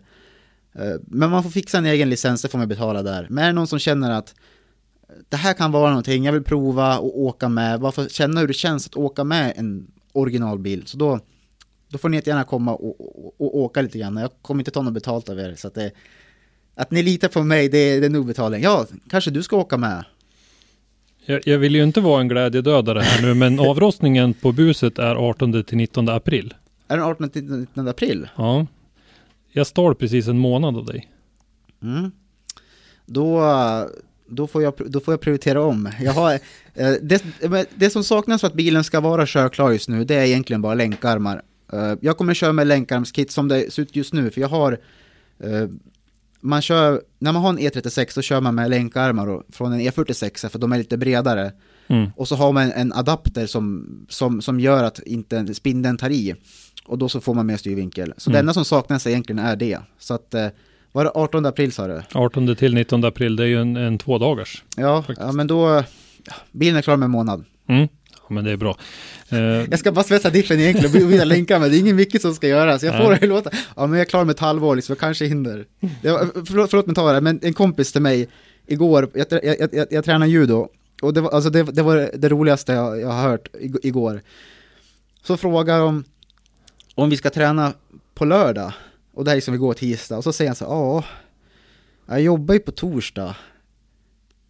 Fast vad är lördag han frågade om liksom, så var det ju en sån grej. Ja, det var lite kul. Fast det är bara jag som skrattar. nej då. Eh, nej men absolut. Men eh, då eh, har du lite att göra innan dess. Ja, svetsande if. Ja, ja eh, precis. Eh, Sorry Christian, du kommer, du får boka bort lite grejer också. eh, är det någon fler eh, som du brukar ha med dig när du, när du är ute på de här grejerna? Ja, alltså nu är det ju främst min flickvän Sung och så är det min kompis Ante. Och han, han, han heter Ante, han har, han har bytt namn till Ante. Det, Mm. jag, jag trodde inte det först, men så det är Mm. väldigt coolt. Och han är ju liksom, om man har, jag har ju verkligen haft tur, han är ju den här kompisen som hänger med på allt. Och han liksom, han är med och han, han är lika impulsiv som mig. Säger jag någonting, ska vi göra det här, så säger jag, då har han liksom redan börjat. Och eh, så Ante han har varit med väldigt mycket och han kommer också köra i år. Han har en E46 328 som han köpte och vi fick en jättebra deal på den för vi trodde att det var vi- var faktiskt på väg ner att köpa en E36 men det var, en- det var, det var riktigt risig så den ville vi inte ens lägga ett bud på. Och då var den redan billig så här. Så vi tog hem en, E- vi, men på vägen hem så plockade vi upp en E46 vi besiktade den och eh, så körde han den på, på, på Sättna en gång. Nej, han körde den på Mittsverigebanan. Och där så, var, så där så blev han typ den mest icke omtyckta personen på hela Mittsverigebanan den sommaren för att hans kylarslang lossnade och han körde två varv Mittsverigebanan utan kylarvätska i, i bilen och typ det var, det var som en sträng med kylarvätska runt hela banan så det blev ju typ en timmes sanering liksom för hans bil för Aj, aj, aj, 12 aj. 000 kronor. Mm. Men den motorn har vi alla delar för, den ska vi, ja jag kommer behöva ringa och stressa han ikväll då, för jag, jag, jag har haft inställning på juni, men hur som helst. Han kommer köra en E46, så vill man åka med han också, då är det också fritt fram. På Mm. egen risk. Men du har inga med dig som du liksom eh, tar hjälp av med som mekaniker eller vad man ska säga, som byter däck och lite sådana grejer. Utan det, Alltså, vi hjälps åt. Det har aldrig varit så, för vi är ju som en, vi är i den här gruppen, så är det ju aldrig alla som kör, utan det är de som inte kör, de är med som hjälp till att byta däck, så att säga. mm. på finalen, då var, då, då var ju min bil inte körklar, så då var man med och hjälpte till på andra sätt och, och så vidare. Så Mm. det, den, man är alltid med där, även fast jag inte kan köra min bil så jag, har jag ändå kul. Mm. Hur många är ni i den gruppen då skulle du säga som, som, är, som, Mm. som brukar vara med? Liksom? I den här, i den här grassroot-gruppen så skulle jag säga att vi är Oj nu, nu, mellan 10 och 15 personer i alla fall. Och vi Mm. har, på varenda körning på Sättna så har vi alltid varit fem bilar från den här gruppen som liksom kört konsistent. Och det tycker jag är Mm. ganska kul. Mm. Och, och sen så har jag som en annan kompisgrupp som jag haft innan jag drog ihop det här. Och vi är väl en fyra, fem som kör, men de, de kör mest bana. Så för dem, då är det som att det är några som kör på Sättna, några som kör liksom på Mittsverigebanan då. Mm. Men eh, hur känner du där då? Känner du att ni har stöttningen där från, från SHRA att, eh, att satsa på, på gräsrötterna och att ni ska få de här möjligheterna? Ja, alltså SHRA, de vill jättemycket och det är faktiskt jättekul att se att de, de, de vill verkligen kunna lämna någonting åt oss kommande generationer. Mm. Och de har förstått det här med att den nivån du sätter för nybörjare är den kapaciteten man kommer kunna bygga, som jag sa förut. Mm. Utan nu är det mest ett, hur mycket tid har man själv att lägga? Och eh, det är mycket, man pratar om att kanske kunna ha, eh, som Sverigecupen till exempel, den, den, den tog man ju fram för att man ska kunna ha liksom, eh, inte så hardcore bilar, utan du ska kunna ha en hyfsad bil och köra med den och ändå kunna tävla och få poäng liksom. Det ska inte vara samma nivå på allting som i SM och så vidare, vi behöver inte ha R-däck och nu typ och sådär. Mm. Men sen så försvann ju RM och då vart det ju Sverigecupen, då, då, vart det ju, då hamnade ju bilarna som inte gick SM, hamnade ju i RM. Mm. Så då försvann ju liksom den grejen. Så vi håller på och pratar och se vad man kan göra åt det där. Finns, kan man öppna någon liten tävling åt dem som är typ, som åker typ originalbilen nästan, eller snäppet värre. Mm. Och eh, då är det ju säkerheten som man måste tänka på. Vad ska man ha för, på, för regler för bur? Om man inte har en bur, ja då får man inte köra två styckna. Ja, då är det modified som gäller i så fall. Precis, och kunna hitta den här kompromissen liksom. Mm. Modified finns det ju ett eh, förslag till ett uppdaterat reglemente Okej, som är på gång och förhoppningsvis klubbas igenom här ganska inom kort. Eh, lite moderniserat och sådär. mm. Sen så är det ju faktiskt så att eh, i år så kommer ju RM tillbaka i Swedish Drift Championship. Eh, Sverigecupen kommer ju att utgå då. Mhm. Eh, men vill man arrangera någon, någon enstaka tävling och sådär så har ju SPF sagt att då får man gärna köra eh, under det reglementet och eh, använda Sverigecupen som, som namn. Liksom. Okej, ja. Så det är ju en sak. Eh, sen så finns det ju dessutom eh, SVR Motorsport kommer ju att ha den här drift eh, sprint serien. Mm. Där ju det åtminstone har varit sagt att SMK Sundsvall ska arrangera tre deltävlingar. Eh, och då är ju tanken att eh, man kör i sitt, eh, i sitt närområde ett antal deltävlingar. Och sen så kommer det att vara en superfinal på Hamrebanan. Mm. Och det är ju också väldigt eh, enkelt regelsystem i, i det. Och det kommer ju att vara under SPF i år. Eh, SVR Motorsport har ju kört eh, under annan flagg tidigare, men nu kommer det att vara under SPF i år. Ha. Så att det kommer att vara lite tävlingar här omkring som, om man tittar på materialet så att säga, är, är fullt möjligt för, för dig och dina kompisar att vara med i. Om man vill köra hela serien är väl en sak, men kanske vara med och prova på lite grann och känna sig för i alla fall, så finns ju Ja. alla möjligheter. ja, men det, och, och, nu, jag kan ju inte reglementet rakt upp, jag kan typ ingenting egentligen, ska, ska jag vara jätteärlig och säga det. Uh, någonting som är framtida planer, någonting som är möjligt uh, för de flesta, det är ju att uh, om man registrerar en, bu, en bil utan baksäte så finns det ju möjlighet att kunna få in en bur där. Och kan man få in en halvbur i en bil så hoppas jag att det kanske skapar möjligheter för vad man kan köra med. Då, för det är ju, ja, det är ju bättre än ingenting. Jag, jag har inte jättebra koll på det faktiskt. Nej, jag vet inte heller riktigt eh, detaljerna så om, om man har dem både gatregistrerade och har bur och, och köra tävling så att säga. Hur, hur pass kompatibelt det är. Men, men eh, jag tycker att det är väldigt positivt i alla fall att eh, man ges möjlighet att börja med eh, tävling på lite olika sätt. Mm. Det är alltså att eh, modified-reglementet har gått igenom, det behövs. Eh, Lars Sjödén uppe i övre norra har ju jobbat med det ett tag. Och det behövs. Och sen tycker jag också att det är jättepositivt att den här driftsprinten som, som SVR Motorsport då började med förra året och blev populär då, att den lyfts in i SPF också och körs över hela landet. Mm. Så att vi får in er i tävlingsverksamheten så att säga på en nivå som är hanterbar. Mm, det där tyckte jag, jag hade, nu kan det vara för att jag är typ bara fokuserar på studien nu, men det där, mm. det där hade, jag hade ingen aning om det, men mm. det låter ju kanonbra. Mm.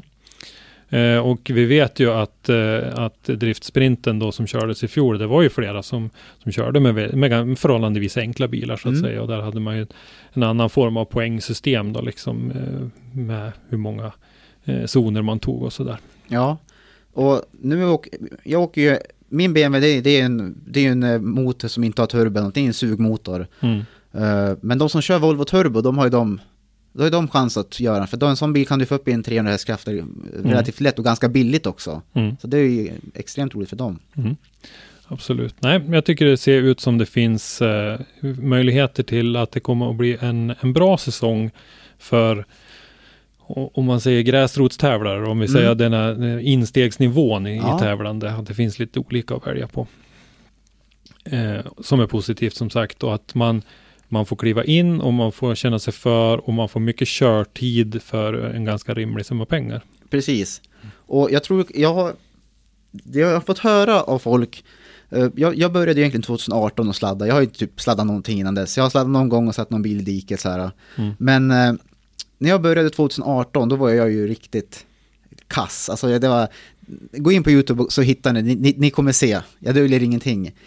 Eh, men de här kommentarerna som man har fått när folk kan se hur man ständigt förbättras. Mm. Och det är dels kul för mig, för att jag liksom, man får det är alltid kul att höra att man blir duktigare.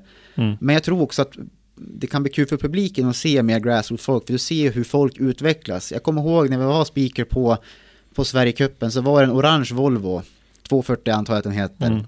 Och liksom i början av liksom frikörningen på Sverigecupen så tog han en kurva. Mm. Men för enda gång han körde så blev det bättre och bättre och bättre. Till slut tog han hela banan. Mm. Det var skitkul att se faktiskt. Mm. Absolut, det är det helt klart. Och, och, speciellt när man kör med lite enklare bilar och, och vet det att man måste liksom man måste ha farten och man måste ha, ha liksom momentum med sig in i kurvorna ja. för att man har inte den där rena eh, råeffekten att, Precis. att köra med. Mm. Ja, men det låter ju som att det kan bli en, eh, en spännande säsong eh, för dig. Och eh, vi får väl hoppas att vi kanske får se dig och Pontus tillsammans. Ja, det vore jättekul. Både i speakertornet och på banan kanske?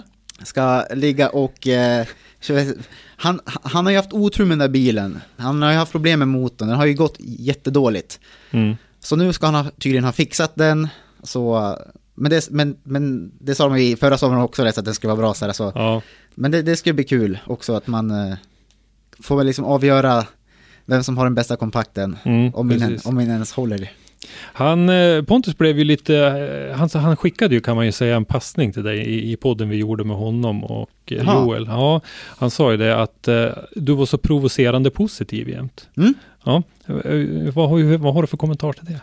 Alltså jag är, jag är ju typ alltid taggad på ja. allting och det är bara mitt sätt att, att, att möta allting liksom. Och ja. Jag har ett problem och då säger Mattias, ja men då fixar vi väl det, då är det bara att fixa det. Löser det. Ja. Det löser sig. Ja. Och, det... och det tyckte han var provocerande. Jaha, ja. okej. Okay. Många brukar säga att det inte är realistiskt. De, är, jag, de som jag tycker är pessimister, de kallar sig själva för realister. Okay. Uh, nej men det, så mm. är det. Om någonting mm. går sönder, då lagar man det. Min bil, sist, när, när vi provade att köra sätten åt andra hållet, så körde jag och Kim Fors varsin bil.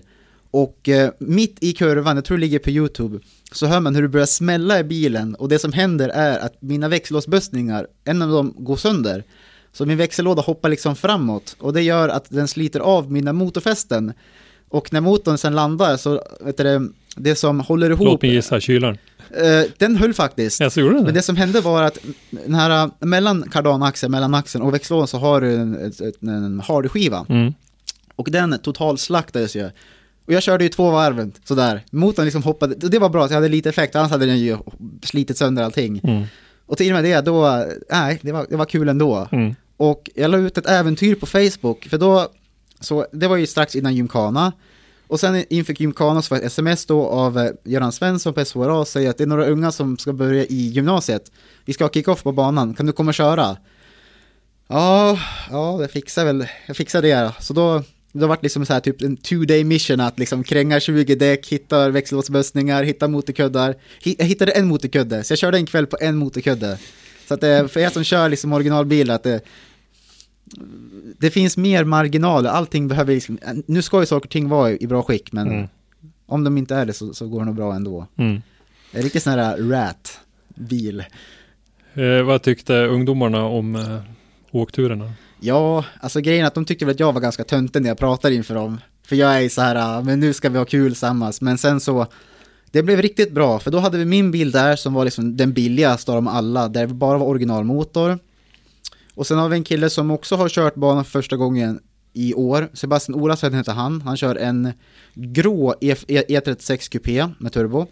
Han köpte den av mig, mycket bra bil.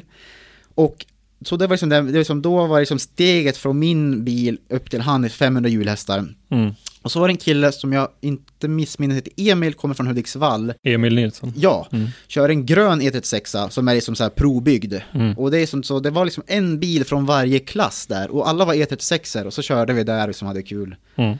Sen tröttnade de och gick bak och grillade korv. Så när jag klev ut bilen då var alla borta typ så här. Men Mm. det var kul. Mm. Ja, härligt. Säkert en eh, upplevelse för dem som de kommer att komma ihåg. Mm. Eh, om vi ska ta och runda av lite grann. Okej. Eh, så tänkte jag att eh, vi skulle höra lite grann, nu prata lite grann om din YouTube-kanal bland Mm. annat sådär. Vart, vart kan man se dig? Vad har du för sociala medier som du Ja. vill dela med dig av? Jag är jättedålig på sociala medier, men jag har ju min YouTube-kanal och den heter, jag, man har ju en massa konstiga namn. Men jag heter Åström efternamn och på mitt pass så står det ju, istället för ett Å så står det ett A och ett E. I alla fall förut. Ett tag så stod det faktiskt ASS Strom, så det stod Astrom. Mhm. Ja, det, det, det jag vet. Eh, Men sen stod det AE Strom och jag har ju alltid blivit kallad Matte Å, så då vart det Matt AE, Matte Å. Mm. Så M-A-T-T, mellanslag A-E. Då hittar man, jag står där och någon halsduk på bilden och har mina 100 subscribers. Men, eh, så jag lägger upp allting där, men där är som bilar och jag lägger också upp, hur ska jag säga, allmänna tips hur man kan föra kanske ett samtal, hur man ska tänka i försäljning. För vid sidan av bilarna så är jag ju som försäljare och, och, och entreprenör, om man kan säga så. Mm. Ja, eh, då ska vi dela med den länken också i beskrivningen till avsnittet här så att de hittar igen dig i, i eh, Youtube-djungeln. Kul! Mm. Eh, ja, apropå att Mittsverigebanan lyssnar så har jag en liten extra story här. Det var, det var någon gång i mellan september och oktober. när Jag får ett, jag får ett, jag får ett meddelande på Facebook från en av majoritetsägarna på Midsverigebanan, Per-Erik. Och han frågade om jag ville komma dit och liksom surra lite grann om banans framtid. Och jag tänkte, ja han drar väl ihop ett öppet hus för alla liksom så här. Så jag åker upp dit och så liksom visar det sig att han har bjudit dit, han har bjudit dit Kim Fors, han har bjudit dit Jim, Nord, Jim Nordqvist, Herman Jansson och mig. Och eh, han frågade oss vad vi anser behöver göras åt banan för att det ska bli bättre. Vad behövs det för att man ska kunna ha tävlingar där? Hur kan de bli bättre? Mm. Och då, då har han bjöd liksom dit tre stora profiler och mig. Mm. Och vem pratar mest då? så att, eh, men det var kul. De, Ja. de liksom visade att ni har en röst. Ni, ni- Exakt, det är ju föredömligt faktiskt att visa att eh, man tittar på alla nivåer och det måste gå och få till det så att det passar er alla. Precis, så det, ja, det är stor respekt för det faktiskt. Mm. Eh, men då Mattias så säger vi tack till dig för att du ville komma hit och så lycka till i sommar och hoppas att vi Tack ses själv. en massa gånger. Absolut, det ska vi Mm. göra. Kom Mm. och säg hej om ni ser mig. Och därmed säger vi tack till Mattias Åström. Och tack för att du har lyssnat. Lyssna gärna på våra tidigare avsnitt och glöm inte att ge oss betyg i din podcastapp. Besök oss på driftzone.se eller i sociala medier för dagliga nyheter. Vi heter Driftzone på de flesta plattformar. Har du ett ämne eller en gäst som du vill att vi tar med i Driftpodden så skicka oss ett meddelande på våra sociala medier eller skicka ett mejl till oss. Gäst idag var Mattias Åström, programledare Henrik Andersson och Christer Hägglund, ljudtekniker Robban Strandberg. Driftpodden är en produktion från Driftzone och produktionsåret var 2020.